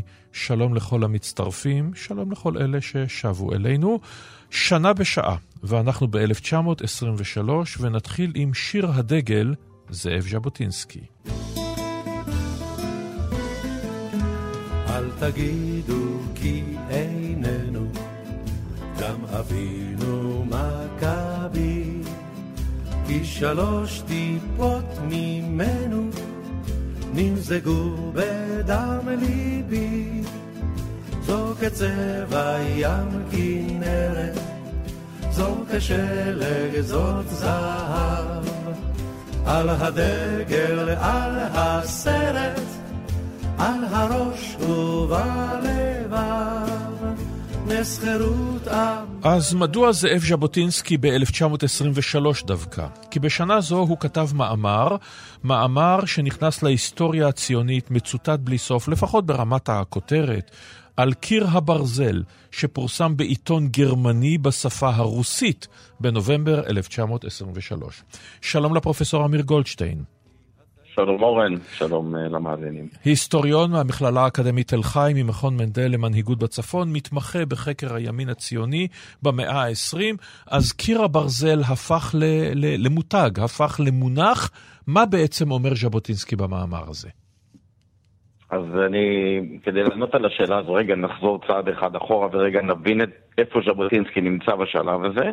בתחילת 1923 ז'בוטינסקי פורש מההנהלה הציונית, כלומר הוא הופך להיות אה, אופוזיציה לחיים ויצמן, הנשיא, נשיא ההסתדרות הציונית, ויש לו ביקורת מאוד מאוד גדולה על המדיניות של ויצמן. והתקופה שצריך להבין אותה היא תקופה שבה אה, אנחנו אפשר לכנות אותה ימי קטנות, ההבטחות הגדולות של בריטניה, אם זה בהצהרת בלפור, אם זה בכתב המנדט, ההבטחות הבריטיות לציונות מתממשות, אבל הן מתממשות באופן הדרגתי יותר. יש מורכבות במציאות, יש התנגדות של הערבים, יש... אה, היהודים לא ממהרים לעלות לארץ, והשאלה הגדולה היא איך המנהיגות הציונית צריכה לפעול בשנים האלה. ובשעה שחיים ויצמן אה, מנהל מדיניות מאוד... מאופקת, מאחורי הקלעים, מנסה ל- להוציא את המירב מהתנאים ההיסטוריים ומודע גם לאילוצים. בעיני ז'בוטינסקי. הוא פייסן, אם נניח. נכון, נכון, וגם ז'בוטינסקי המזג שלו הוא מזג יותר אה, רותח, יותר מחפש אה, פעילות יותר אנרגטית, והוא בעצם אומר, אנחנו הצולים צריכים להצהיר בקול רם ובלי להתבייש על המטרות המפליגות שלנו ולא לוותר על הבריטים, על ה, אה, לא להתחשב באילוצים הבריטים, אלא להצהיר באופן מפורש מה אנחנו רוצים. וזה הרקע לכתיבה של אותם שני מאמרים, הוא כותב אותם שבוע אחרי שבוע, הראשון על קיר הברזל והשני האתיקה או המוסר של קיר הברזל. אנחנו כבר נצלול לתוכם ונוהגים לזכור אותם באמת בהקשר של הדיון על הסוגיה הערבית, אבל צריך לזכור שהנושא שמעניין את ז'בוטינסקי הוא איך הציונים צריכים לפעול מול הבריטים. או, oh, אז עכשיו, מה, מה, בעצם, אה, אה, מה בעצם הוא אומר, ואתה מדגיש פה הדגשה חשובה, שזה מול הבריטים בשלב זה לפחות. כן, זה אפילו יותר מאשר בשלב זה. לאורך כל חייו של ז'בוטינסקי, הבריטים, בריטניה הייתה, עם, עם האימפריה הבריטית, השותפות עם האימפריה הבריטית הייתה מבחינתו תנאי להגשמה של הציונות. מה שז'בוטינסקי אומר בקיר הברזל, הוא מנתח את המצב בארץ באופן מאוד מאוד מעניין. הוא בעצם אומר, מתייחס ומדגיש בתחילת המאמר שהוא מעוניין בשלום ומעוניין בפיוס ומעוניין ביחסים טובים עם הערבים. יתרה מזו, על פי תפיסתו יש זכויות מלאות למיעוט הערבי, שכמובן נכון. אז הוא רוב מוחלט בארץ, שזה נכון, די מצחיק. אז, אז... נכון, נגיע רגע אחר כך אולי בסוף, כי במאמר עצמו הוא לא, עוד לא מתייחס כן. לזכויות האלה, כי בוודאי שזו תפיסתו, אבל הוא מתחיל את המאמר ואומר, לי יש תפיסות, אני, אני חותר לשלום ולפיוס עם הערבים, אבל בואו נסתכל על המציאות נכוחה. מהי המציאות? ז'בוטינסקי מתאר את הערבים כתנועה לאומית, הוא לא קורא להם פלסטינים, הוא קורא להם ערבים, אבל הוא רואה בהם, הוא רואה בהם תנועה לאומית. והוא אומר, כמו כל קבוצה לאומית של ילידים שחיים בארץ מסוימת ופוגשים אנשים שמתיישבים, שבאים מבחוץ לארץ ההגירה הזו, הם צפויים להתנגד. לא יעזור שום דבר. אם אנחנו היינו במקומם, היינו מתנגדים בכל הכוח. Mm-hmm. וכיוון שההתנגדות שלהם היא לאומית, אי אפשר לפורר אותה, אי אפשר להטעות את הערבים, אי אפשר לקנות אותם בכסף או לטשטש את המטרות. תהיה פה התנגדות, תהיה פה עימות חזיתי ולא קצר בין התנועה הלאומית הערבית או הפלסטינית לבין הציונות. וכיוון שאין גשר בין הדרישה הכי מרחיקת לכת של הערבי המתון ביותר לבין מה שהציונים מבקשים, ז'בוטינסקי אומר, אנחנו צריכים לבנות קיר ברזל. אנחנו צריכים להיות חזקים מאוד כמיטב יכולתנו אה, לעמוד בפני המתקפה או ההתנגדות הערבית. אני כבר אדגיש שכשז'בוטינסקי מדבר על קיר ברזל, הוא מדבר על קיר ברזל בריטי ציוני. כלומר, הוא לא חושב שיהודים שהם עשרה אחוז מהאוכלוסייה בארץ יכולים באמת להוות קיר ברזל. הוא מצפה שהבריטים יהיו אלה שיקימו את, ברית, את קיר הברזל, שיבהיר לערבים שהם לא יכולים לא להביס את הציונות ולא לגרום לבריטים לשנות ממדיניותם כפי שבא לידי ביטוי בהצהרת בלפור ובכתב המנדט להקים בית לאומי לעם היהודי. מה החשיבות, אם בכלל, של המאמר הזה בזמן אמת? האם הוא משנה, האם הוא משמעותי, או שלוקחים אותו כעוד מאמר אה, סמי מתלהם אולי, של אחד מגדולי הכותבים והנואמים אה, בציונות בכלל ובוודאי בימין? אז, אז באמת צריך להגיד שאני לא חושב שבזמן אמת המאמר הזה טלטל את uh, הסדר היום הציבורי. ז'בוטינסקי היה, עוד לא היה ברור לאן פניו, הוא עוד לא הקים מפלגה, הוא אפילו לא הקים את תנועת הנוער שהוא יקים uh, ממש שבועיים מאוחר יותר, מתחיל להקים את תנועת הנוער. אגב, אבל כבר באותה שנה בריגה אה, מייסדה, אה, תומכיו מייסדים את אה, בית"ר. אז נכון, אולי ברשותך, עוד, זה קורה שבועיים מאוחר יותר ונגיע לזה עוד רגע, אבל אני כן חוזר לקיר הברזל, כששני המאמרים האלה מתפרסמים, הם נתפסים כחלק ממסר כללי שז'בוטינסקי מעביר, שאומר, אנחנו הציונים צריכים לפעול, לגרום לבריטים, אני רוצה רגע שוב לחזור ולהדגיש, להיות קיר הברזל, לבנות איתנו את קיר הברזל המשותף. ז'בוטינסקי הקים גדוד עברי בצבא הבריטי, גדוד לוחם. כן. הבריטים פירקו את הגדודים האלה, והוא אומר, צריך להקים ליגיון, שהבריטים יקימו ליגיון יהודי, וככה אנחנו נגרום לערבים יום אחד, אחרי שהם ינסו הרבה מאוד שנים אה, אולי לגרום לציונות אה, אה, להפסיד, רק אחרי הרבה מאוד מאמצים ונחישות שלנו עם הבריטים, הם הגיעו למסקנה מתישהו שהם לא יכולים לעשות זאת, הם ישלימו עם הציונות, וכאשר הם ישלימו עם הציונות, זה יקרה. הכוחות המתונים בתוכם ייתנו את הטון, וגם אז אנחנו נוכל להגיע איתם לפשרה ולפתרון שאנחנו מעוניינים בו. עכשיו, אבל לימים, אה, המאמר הזה מקבל תהודה, אפשר לומר אפילו שהוא משפיע על תפיסות מפא"יניקיות, כלומר בן גוריון ואחרים, כאשר למשל יבואו לדבר, או לא לדבר, לעשות, על כור גרעיני ועל דברים אחרים, התפיסה היא חד משמעית שחייבים להקים קיר ברזל, כבר לא בריטי יהודי, אלא יהודי ישראלי, קיר ברזל להגנה על מדינת ישראל. אז ברשותך, אני, אני חולק על ההצגה הזאת, ואני, ואני רגע אגיד, אני אסביר. יש פה איזשהו אנכרוניזם, אנחנו נוטים לצבוע דברים בדרך מאיזה שהם מושגים שאולי נשתלו לנו על ידי מי שהיה מעוניין בהם. לא, זה לא המצב. כל הציונות הייתה מעוניינת לבנות את תקופת הלאומי היהודי, להקים פה מדינה, לבסס את הכוח היהודי. לא, אין פה, לא הימין ולא השמאל, אה, לא, שניהם ביחד היו מעוניינים במטרה הזו. ברור. הוויכוח לא היה על השאלה אם הציונות צריכה להיות חזקה, היא צריכה להיות חזקה, אין לה דרך אחרת במזרח התיכון. הוויכוח שקיר הברזל מייצג בין ז'בוטינסקי לבין גוריון או חיים ויצמן, הוא בשאלה איך עושים את זה. Mm-hmm. ואיך עושים את זה בשעה שז'בוטינסקי אומר הצהרות רמות, בכל הכוח, להגיד בדיוק למה אנחנו מתכוונים, ולגרום לבריטים ב- ב- לא להסס להתבטא בצורה מדינית מאוד מאוד תקיפה. אומרים ויצמן, אומרים בן גוריון, לא, לא ככה עושים מדיניות. עושים אותה בחדרי חדרים. הציונות חייבת, בגלל שהיא מיעוט והיא צריכה לבנות את עצמה, היא חייבת לבנות איזשהו מהלך שבו היא מוכנה להיות פרגמטית, שבו היא מוכנה להתפשר בטווח קצר. היא צריכה להרוויח פה זמן. ולכן מי שדווקא בונה את ארגון ההגנה לצורך העניין זה, זה אנשי מפא"י, זה אנשי תנועת העבודה, אנשי הסתדרות, זה לא ז'בוטינסקי, ז'בוטינסקי רוצה ליגיון בריטי, הוא לא בונה את זה. לכן אני חושב שלא נכון שבן גוריון אימץ את, ה, את לא, לא הדרך. לא, לא את העניין של הדרך, אלא מבחינת התפיסה באה ואומרת, כן, נושא הפייסנות לעומת הנושא של הסתמכות על כוחנו, וכמובן, אם אנחנו לוקחים את זה אל ימינו, אז אפשר לבוא ולומר שלפחות ברמת אה, אה, האידיאולוגיה, או אתה יודע מה, ברמת הרטוריקה, קיר הברזל מחכב בתפיסה של ראש הממשלה נתניהו. כן, אני חושב שנשאלת, קשה כמובן לעשות השוואות היסטוריות אחרי כמעט מאה שנה, אנחנו ממש מאה שנה עוד רגע, אה, כשכל כך הרבה נסיבות השתנו וכל כך הרבה דברים כמובן כבר אה, צריך לראות אותם אחרת. אז אני ברשותך אעיר פה שתי הערות עקרוניות. אחת, אני אגיד שהשאלה הגדולה שעולה מקיר הברזל זה מתי יגיע החלק השני שלו. כלומר, ז'בוטינסקי מנבא שמתישהו הצד הערבי יכיר בקיומה של מדינת ישראל, יבין שמדינת ישראל היא עובדה קיימת, ואז הציונות צריכה להיות נכונה לפשרה מול, מול, מול המדינות הערביות, מול הפלסטינים.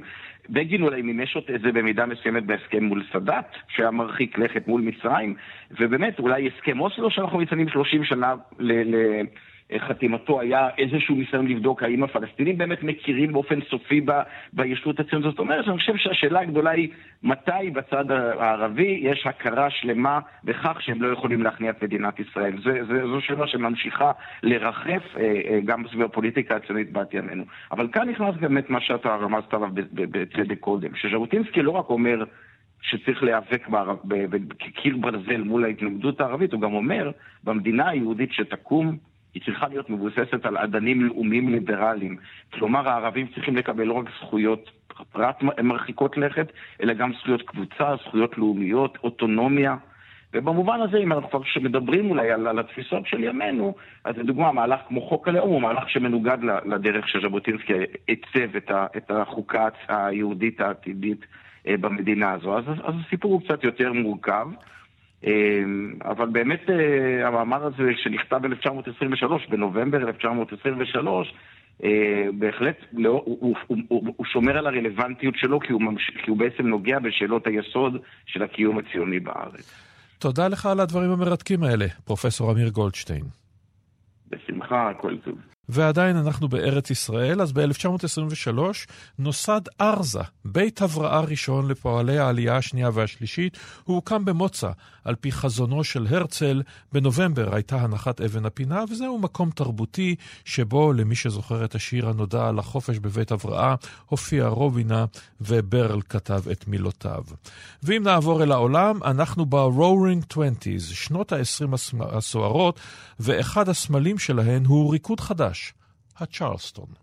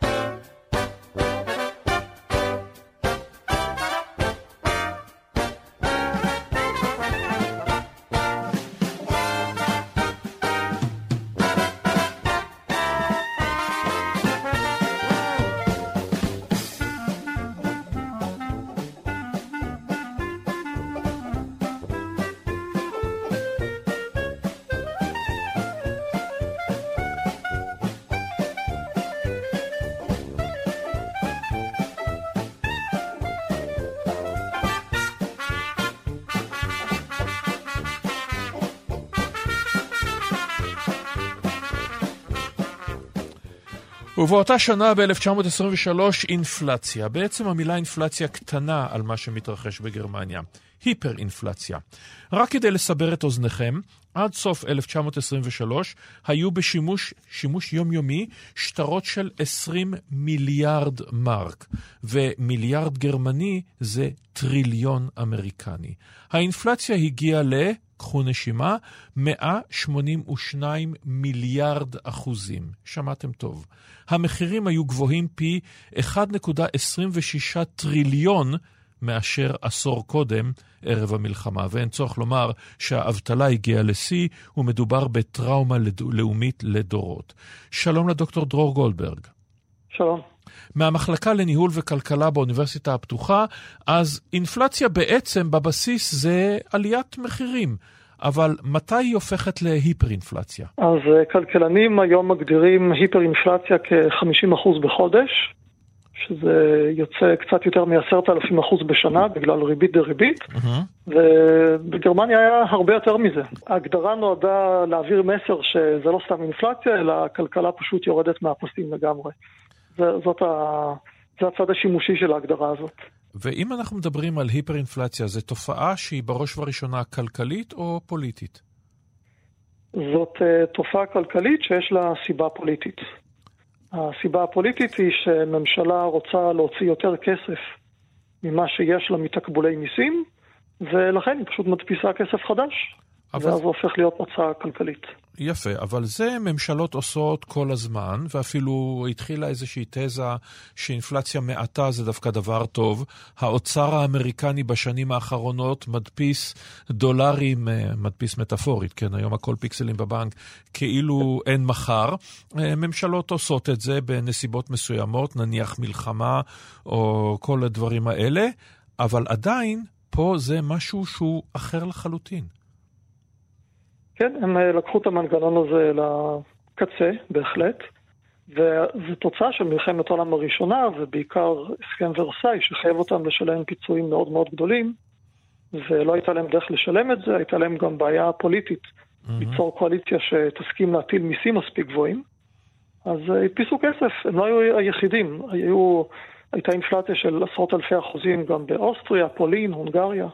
האם בעצם מה שאתה אומר זה שממשלת גרמניה באה ואומרת, אנחנו צריכים לשלם X, על כן אנחנו פשוט אה, נמוטט את המטבע ושיקחו להם את השטרות האלה שלא שווים כלום, ובכך נסיים את עניין הפיצויים, כי הם לא מוצמדים למדד. ישראלים מדור מסוים אולי זוכרים את הביטוי המפורסם הזה של מוצמד למדד?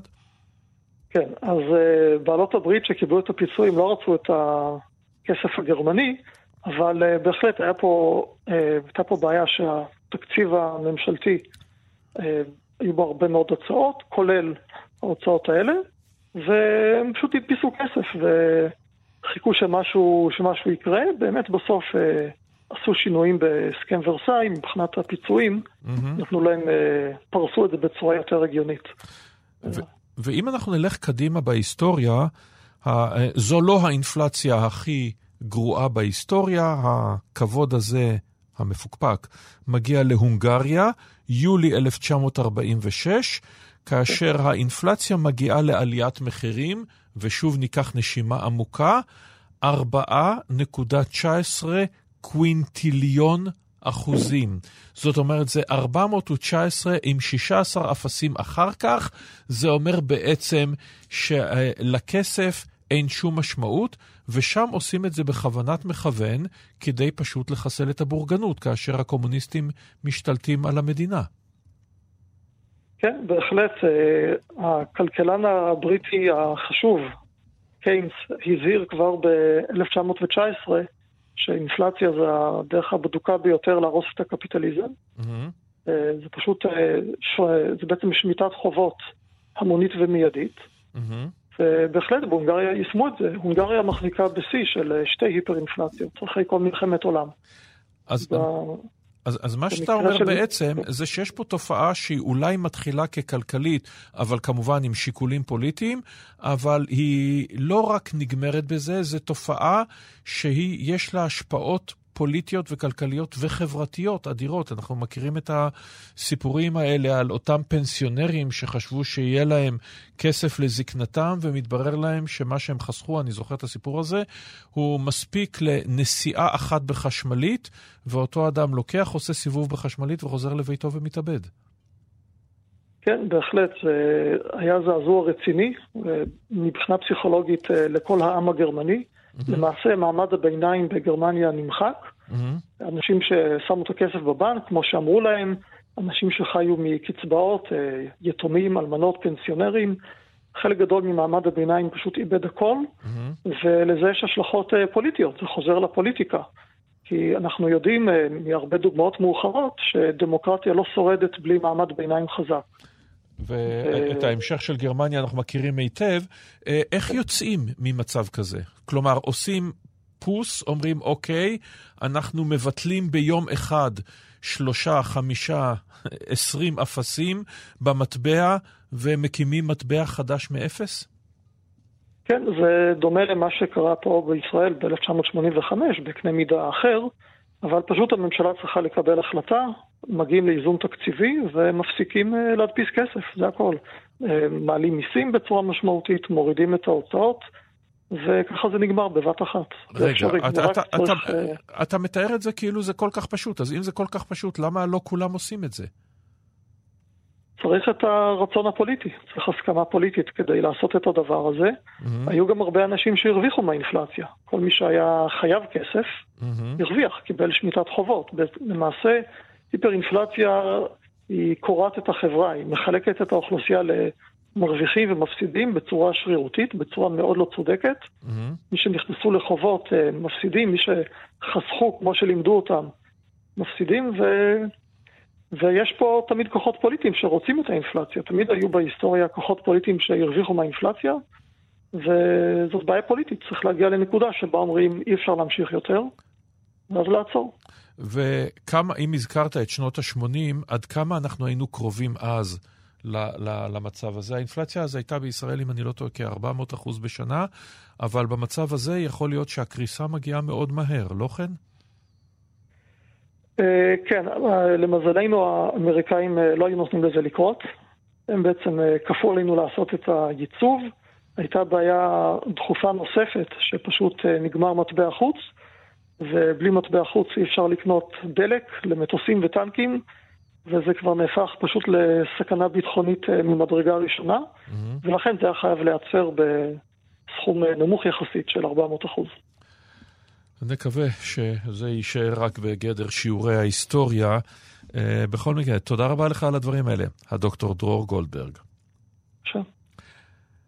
וברודזיה. רודזיה, הקרויה על שם ססיל רודס, אולי גדול האימפריאליסטים הבריטים, אירועים מעניינים וגם גזעניים. ב-1923 הזיכיון של חברת אפריקה הדרומית על השטח פג. מה עושים? מחלקים. רודזיה הצפונית, כיום זמביה, הופכת מושבה בריטית, רודזיה הדרומית, לימים רודזיה, כיום זימבבואה, שבה כמה אלפי לבנים מתיישבים, הופכת מושבה בריטית, בעלת ממשל עצמי. המילים בעלת ממשל עצמי הן החשובות ומיד נתעמק בהן, אבל ראשית, הנה השיר.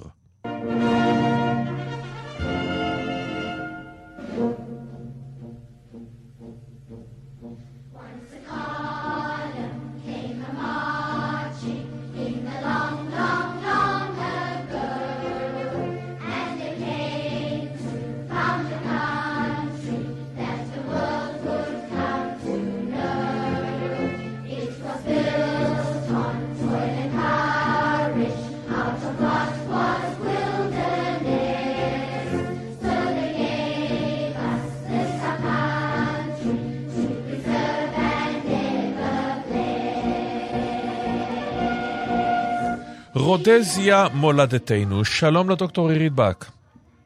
שלום רב. ראשת התוכנית ללימודי אפריקה באוניברסיטת תל אביב.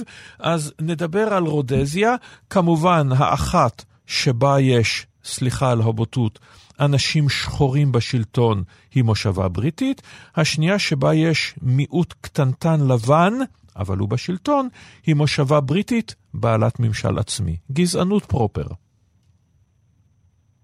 כן, אה, בהחלט גזענות אה, וגם חלק אה, מרוח התקופה, הרבה מאוד דמיון לשכנה הצפונית, הדרומית, סליחה, של זימבבואה לדרום אפריקה, משם נשאבת במידה רבה ההשראה, ובעצם שתי המדינות האלה קשורות בהיסטוריה שלהן mm-hmm.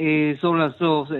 זימבבואה של ימינו, רודזיה לשעבר ודרום אפריקה קשורות לתפיסה של, גם של עליונות אה, אימפריאלית לבנה, וגם כמובן להרבה מאוד אינטרסים פוליטיים שיש באזור. האמת היא שגם רודזיה הקדימה במידה רבה את דרום אפריקה בתהליך, כולל התהליך של התמוטטות השלטון הלבן לימים. נכון, בשנת 1980 היא הייתה בין בעצם המושבות האחרונות שהשתחררו מעול השלטון הקולוניאלי, ודרום אפריקה רק בעשור שקודם לכן, וגם את התהליך, וזה קשור במידה רבה לאדם שהיה אה, בעצם אה, זה שיצר את, שעל שמו נקראה רודזיה, הכוונה היא כמובן לססיל רוטס הבריטי, אה, האימפריאליסט הבריטי, האיש הבין את הפוטנציאל הכלכלי באזור ואת הצורך בכיבוש ושליטה על האזורים אה, שהם גם דרום אפריקה וגם אה, מה שלימים אה, רודזיה, כדי להבטיח אינטרסים של בריטניה, אבל יותר מאוחר אפילו אינטרסים של לבנים מקומיים, תוך ניסיון להתנתקות במידה מסוימת מבריטניה, כדי להבטיח את העצמאות והרווחים הכלכליים של התושבים של, המדינות, של המושבות הללו. האמת היא שססיל רודס הוא אחת הדמויות המרתקות בעידן מרתק, אה, של באמת, של האימפריאליזם. נקרא לו חסר הבושה, אפילו הגאה, יחד עם סופר האימפריה הידוע רדיארד קיפלינג ועם אחרים. זאת אומרת, האדם שבא ואומר, אנחנו צריכים להקים פה את האימפריה, אל מול התנגדות אם תהיה של השחורים, של הבורים, של כל האחרים. בריטניה, האימפריה הבריטית, תשלוט באפריקה. לטובתה, את זה הוא פחות uh, מדגיש, ולטובת האפריקנים. הוא רואה בזה את, ה, את המילים הנודעות של קיפלינג, את את מסע האדם הלבן. זו, זו המורשת שלנו, זו תרבותנו, זה מה שאנחנו צריכים לעשות, להביא את הנצרות, את המסחר, את טובה של האימפריה אל הילידים. כן, מעניין אפילו שבאחד המקומות קראתי שהיה לו עבר סוציאליסטי קצר, mm-hmm. הוא היה פעיל למען זכויות העובדים בבריטניה. אה, הוא חי מגיל צעיר יחסית בדרום אפריקה, לשם, הוא נשלח בגלל בעיות בריאותיות על ידי משפחתו, והוא בהחלט אה, אדם אה, מרתק, וגם כמובן מאוד מאוד שנוי במחלוקת, וגם באמת הנסיבות שהביאו אותו לאזור בתקופה שבו התגלו מרבצי הזהב, היהלומים באזורים הללו, שהובילו אותו להיות בעצם קפיטליסט חסר מעצורים, לצד כמובן, כמו רוב הבריטים באותה תקופה אמונה ב... בעליונות של האדם הלבן ובנכונות שהאדם הלבן אה, יכול לשלוט במשאבים הכלכליים של כל האזורים של כדור הארץ באותה תקופה. זה, הוא חבר באימפריה של, אה, שבה השמש אינה שוקעת, בריטניה שלטה אז ברוב המקומות, והאמונה הזאת הייתה אמונה גורפת אה, של הבריטים, וכך הוא לא כל כך יוצא דופן, יוצא דופן בעיקר גם בנסיבות שבהם הוא היה באותו אזור, שבתקופה שהתגלו משאבים אדירים, והבין מהר מה, מה עליו לעשות לשם הניצול הנכון שלהם. וצריך לומר שבתקופה הזאת, אחרי מלחמת העולם הראשונה, בגלל המנדטים והניצחון במלחמה, האימפריה הבריטית מגיעה לשיא מבחינת השטח ומספר האנשים שהיא שולטת בהם, אבל כמובן אה, מרחיקי ראות רואים כבר את התחלת הירידה. ש... וכמובן הקריסה שתבוא אחרי מלחמת העולם השנייה.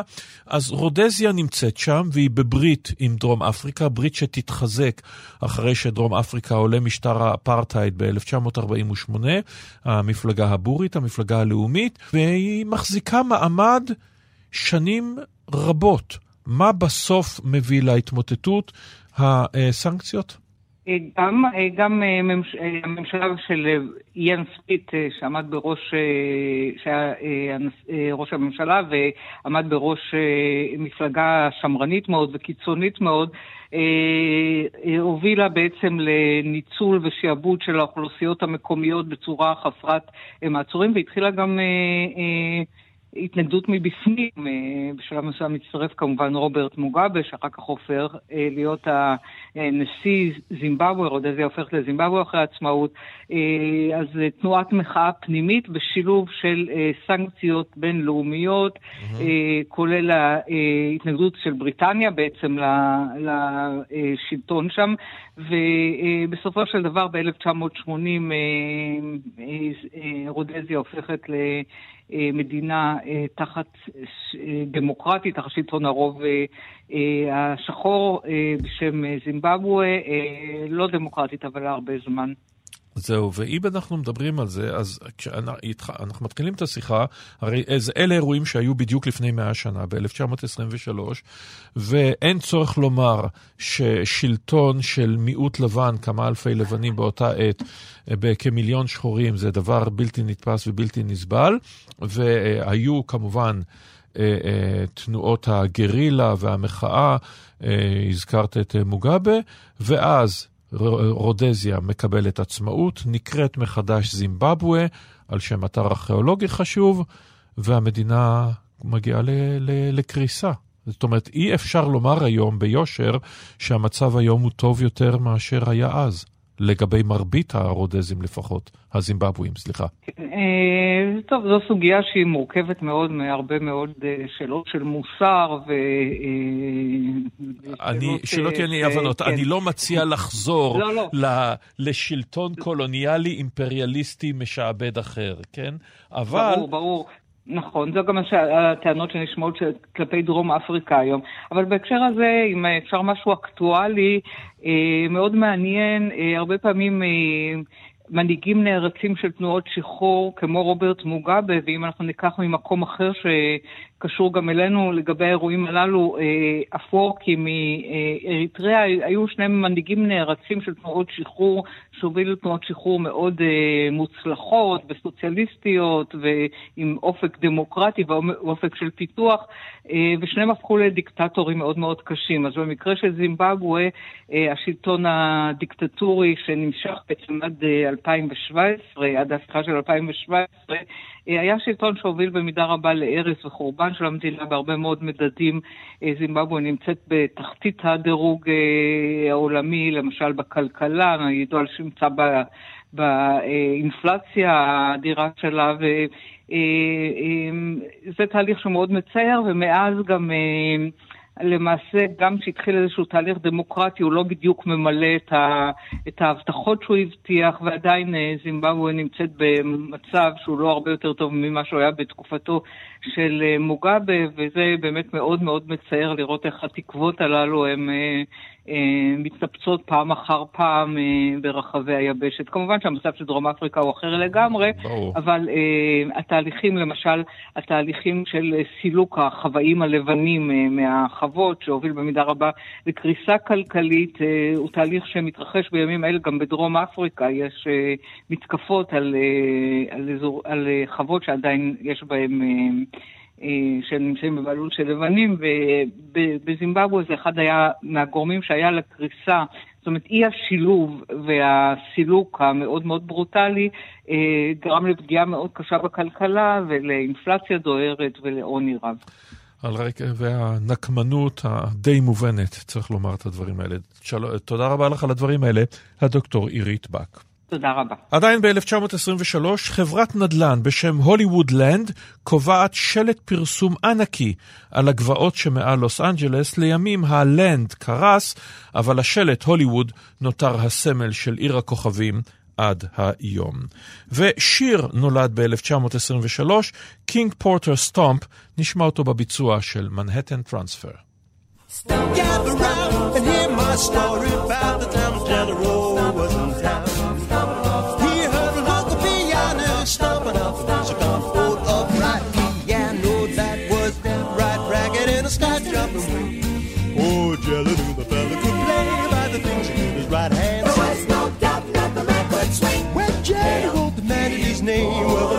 Responded, Figure the king. Well, Jenna left the city, but he wrote a romp ditty about a porter who was king of the storm. Jelly wrote a ditty about a fellow who grew up. This is the tune, King Porter Stomp. My porter striding, hands are flying, and all his fingers are testifying. His two feet in ragged time.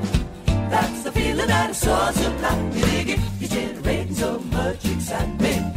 Keep forgetting just what I'm typing. And that's that fella named Porter King. This time's the essence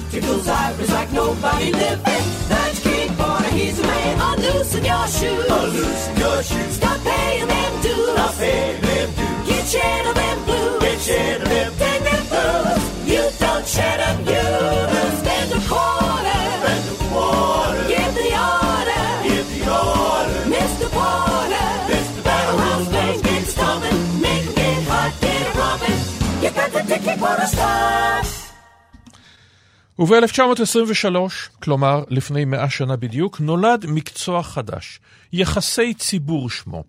בהתאם למקצוע, כמובן, השם הוא שם אולי טוב יותר מאשר המציאות. נדבר גם על הדברים האלה עם הפרופסור מרגלית טולדנו, שלום לך.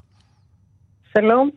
מרצה וחוקרת יחסי ציבור, חברה בבית הספר לניהול של אוניברסיטת ויקאטו בניו זילנד, ועוד המון המון המון קרדיטים אה, מכובדים. אז המקצוע הזה נולד מאדם מאוד מרתק, יהודי, שהשפיע לימים על רבים ורעים, לא רבים וטובים, נכון? לטוב ולרע. כן. אז בואי ספרי לנו עליו מורכב. קצת.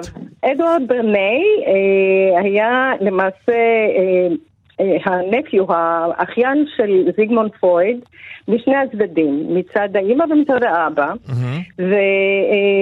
ומאוד הושפע מפרויד. אה, הוא אה, נולד בווינה אבל גדל בניו יורק. ובתקופת מלחמת העולם הראשונה אה, גייסו אותו לוועדת קריל למידע לציבור, שעסקה בפרופגנדה, בתעמולה של מלחמה פסיכולוגית למעשה. ושם הוא אה, חזר מהמלחמה ו... אה, אה, הפסיכואנליזה של בן דודו התחיל להתעניין בהשפעה על המונים, פסיכולוגיה של המונים, וכתב את הספר שנקרא Crystallizing Public Opinion, שנחשב לאבן פינה במקצוע יחסי ציבור, זה הספר הראשון שהתייחס אה, אה, למקצוע יחסי ציבור בצורה מדעית, אנליטית, שיטתית, מתוכננת, והשפיע במשך שנים. עכשיו, מה אומרת התפיסה שלו באמת? מה, מה החידוש הגדול? קודם כל הוא, הוא טבע את השם יחסי ציבור, לפני כן היו כל מיני מה שנקרא מבשרים של המקצוע, mm-hmm. היו להם משרדי uh, press agentry, mm-hmm. והתפקיד שלהם היה בעיקר לעשות הרבה רעש וצלצולים ולמכור uh, כרטיסים ולקדם uh, זמרים וכל uh, מיני פרויקטים שהיו מאוד חד צדדיים ו... לא ניסו בעצם אה, לעבוד בצורה יותר שיטתית ויותר מתוכננת עם אסטרטגיה וחשיבה קדימה. הוא, אה, ברני, אה, בספר שלו, Crystallizing Public Opinion, ובהרבה ספרים שהוא פרסם אחר כך, אה, מתאר את התפקיד של איש יחסי ציבור בצורה די אידיאליסטית, אה, כמי שמגבש אה, דעת קהל לטובת הציבור עצמו. אה, הוא דמות מאוד מאוד קונטרוברסלית. באמת האמין בזה או שהוא מיתמם? כי אמור להיות ברור לו שיש שימוש בטכניקות האלה שיעשו בו אחרים, וגבלס הוא אחד הידועים שבהם. גבלס קרא את הספר שלו, ולמעשה ברנייס בביוגרפיה שלו מספר שהוא היה בשוק כשהוא שמע על זה. אה, כמו כל דבר, אתה יודע, כל נשק יכול לשמש לטוב ולרע. ברור. אפשר להשתמש במקצוע יחסי ציבור כדי לקדם מטרות מאוד חיוביות ולהביא לשינויים חברתיים רצויים. ומה שיותר מפורסם מבחינת אה, מקצוע יחסי ציבור זה אפשר להשתמש במקצוע כדי לעשות מניפולציות ולהטעות ולרמות. הוא כתב בצורה מאוד אידיאליסטית על מה צריך להיות המקצוע ואיך הוא צריך לפעול בצורה אתית ולקדם רק מטרות חיוביות ולהיות מאוד שקוף. אבל בפרקטיקה שלו עצמו, הוא, הוא ביצע קמפיינים ש, שבהחלט לא עמדו בקריטריונים האלה. הוא קידם את הטבק, הוא עשה כל מיני סטאנס אה, מאוד מפורסמים אה, לקדם את תעשיית הטבק, הוא קידם, אה, כל מי ששילם לו, הוא למעשה קידם את האינטרסים שלו, ובלי שקיפות. הוא לא אמר מי... עומד מאחורי האירועים שהוא ארגן. וצריך לומר שבחלק אה, לא קטן, הדימוי של המקצוע עד עצם היום הזה, זה בדיוק הדימוי של האנשים שיקבלו כסף. יש גם אחרים בתחומים האלה, לוביסטים וכולי, שתמורת הכסף הם יקדמו כל דבר וינסו להסתיר את ה... זה, זה, זה הדימוי, זו המציאות? זה הדימוי. אה, לצערי הרב, לדעתי, הספינרים הם המיעוט. רוב האנשים שעוסקים במקצוע עושים עבודה טובה. אני לא, אני לא מתייחסת לישראל. ישראל העבודה יכולה להיות מצוינת, השאלה לטובת מי? לטובת מטרות. תשמע, הייתי דוברת הדסה במשך כמה שנים, אני צריכה להתנצל על זה. הייתי דוברת האוניברסיטה העברית. אה, אני חושבת שעשיתי פרויקטים מאוד אה, חיוביים, עזרנו לגייס תרומות. מצוין, אבל רגע, האם דוברות ויחסי ציבור זה אותו דבר?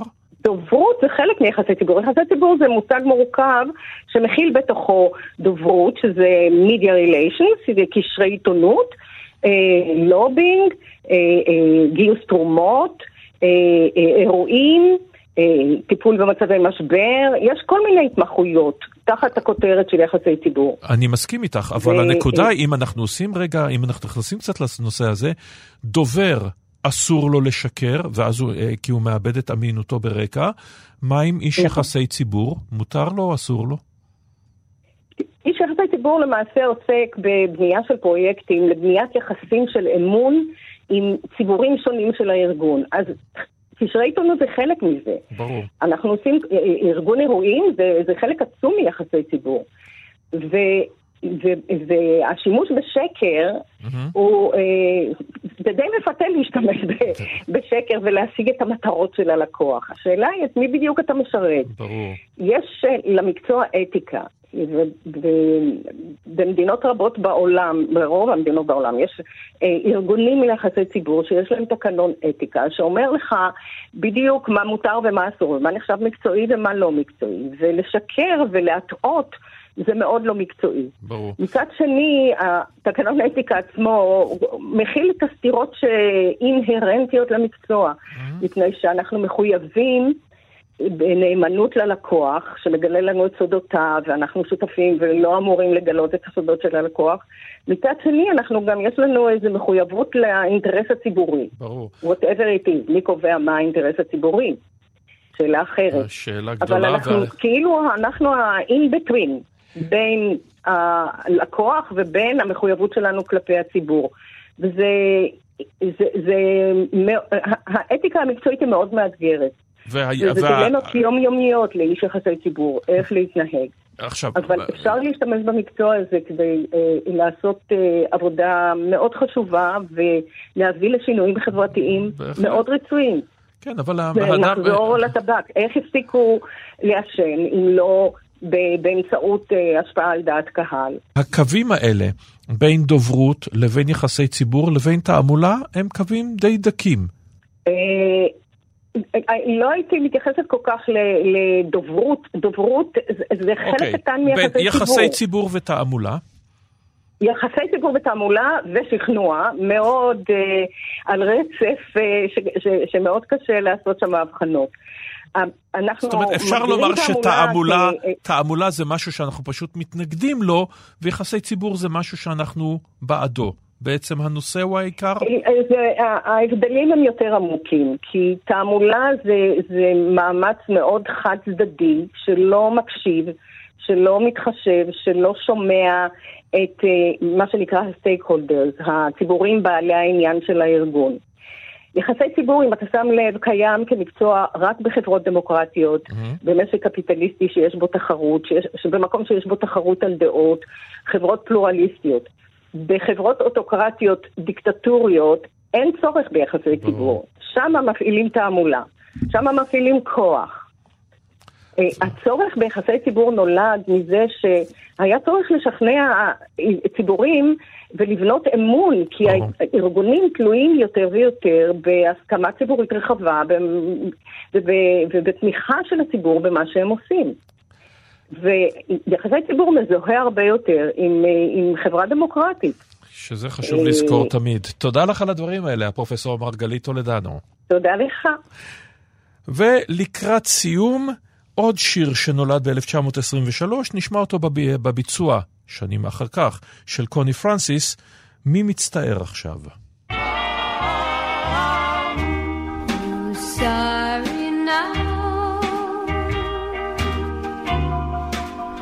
Sorry now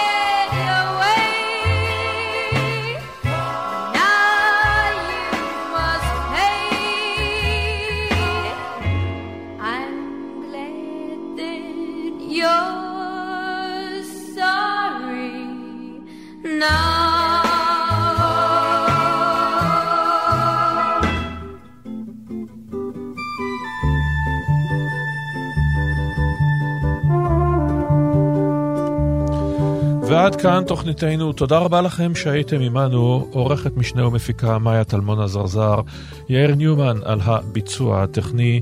שלום קיטל, מיד יהיה כאן עם יומן השבוע. אני אורן נהרי, להתראות בשבוע הבא.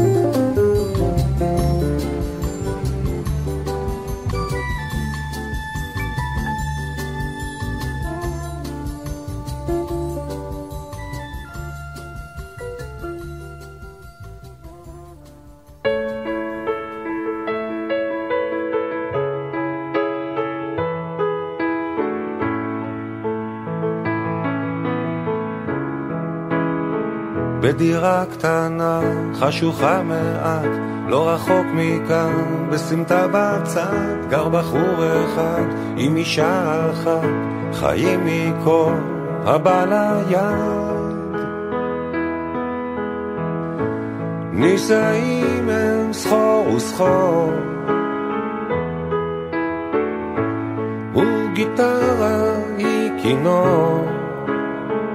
מחליפים מיתר כשהחורף בא, איתו למה בא, הוא שוקע בה, אחר כך יד, נגיעה קלה, נשיקה באוויר, הוא שולח לה. מסתלסלת סחור וסחור, כמו גיטרה וכינור. הוא על זמן והיא הלא.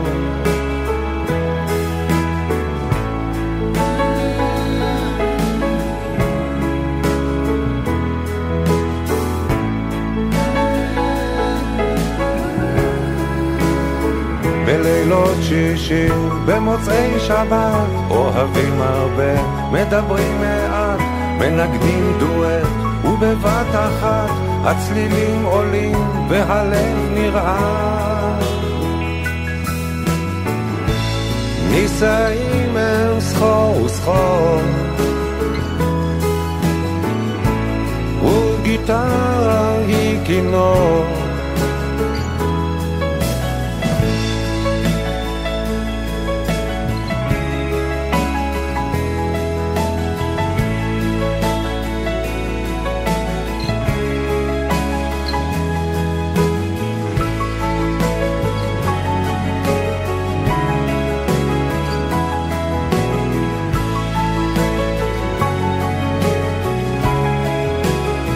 כשהקיץ בא, הם פורסים כנף בעקבות חלום שחלמו בסתיו, והם לא אמרו אם הם יחזרו מהרי נפאל, מערבות פרו. נודדים שם סחור וסחור, הוא על זמן והיא הלום. גיטרה וכינור.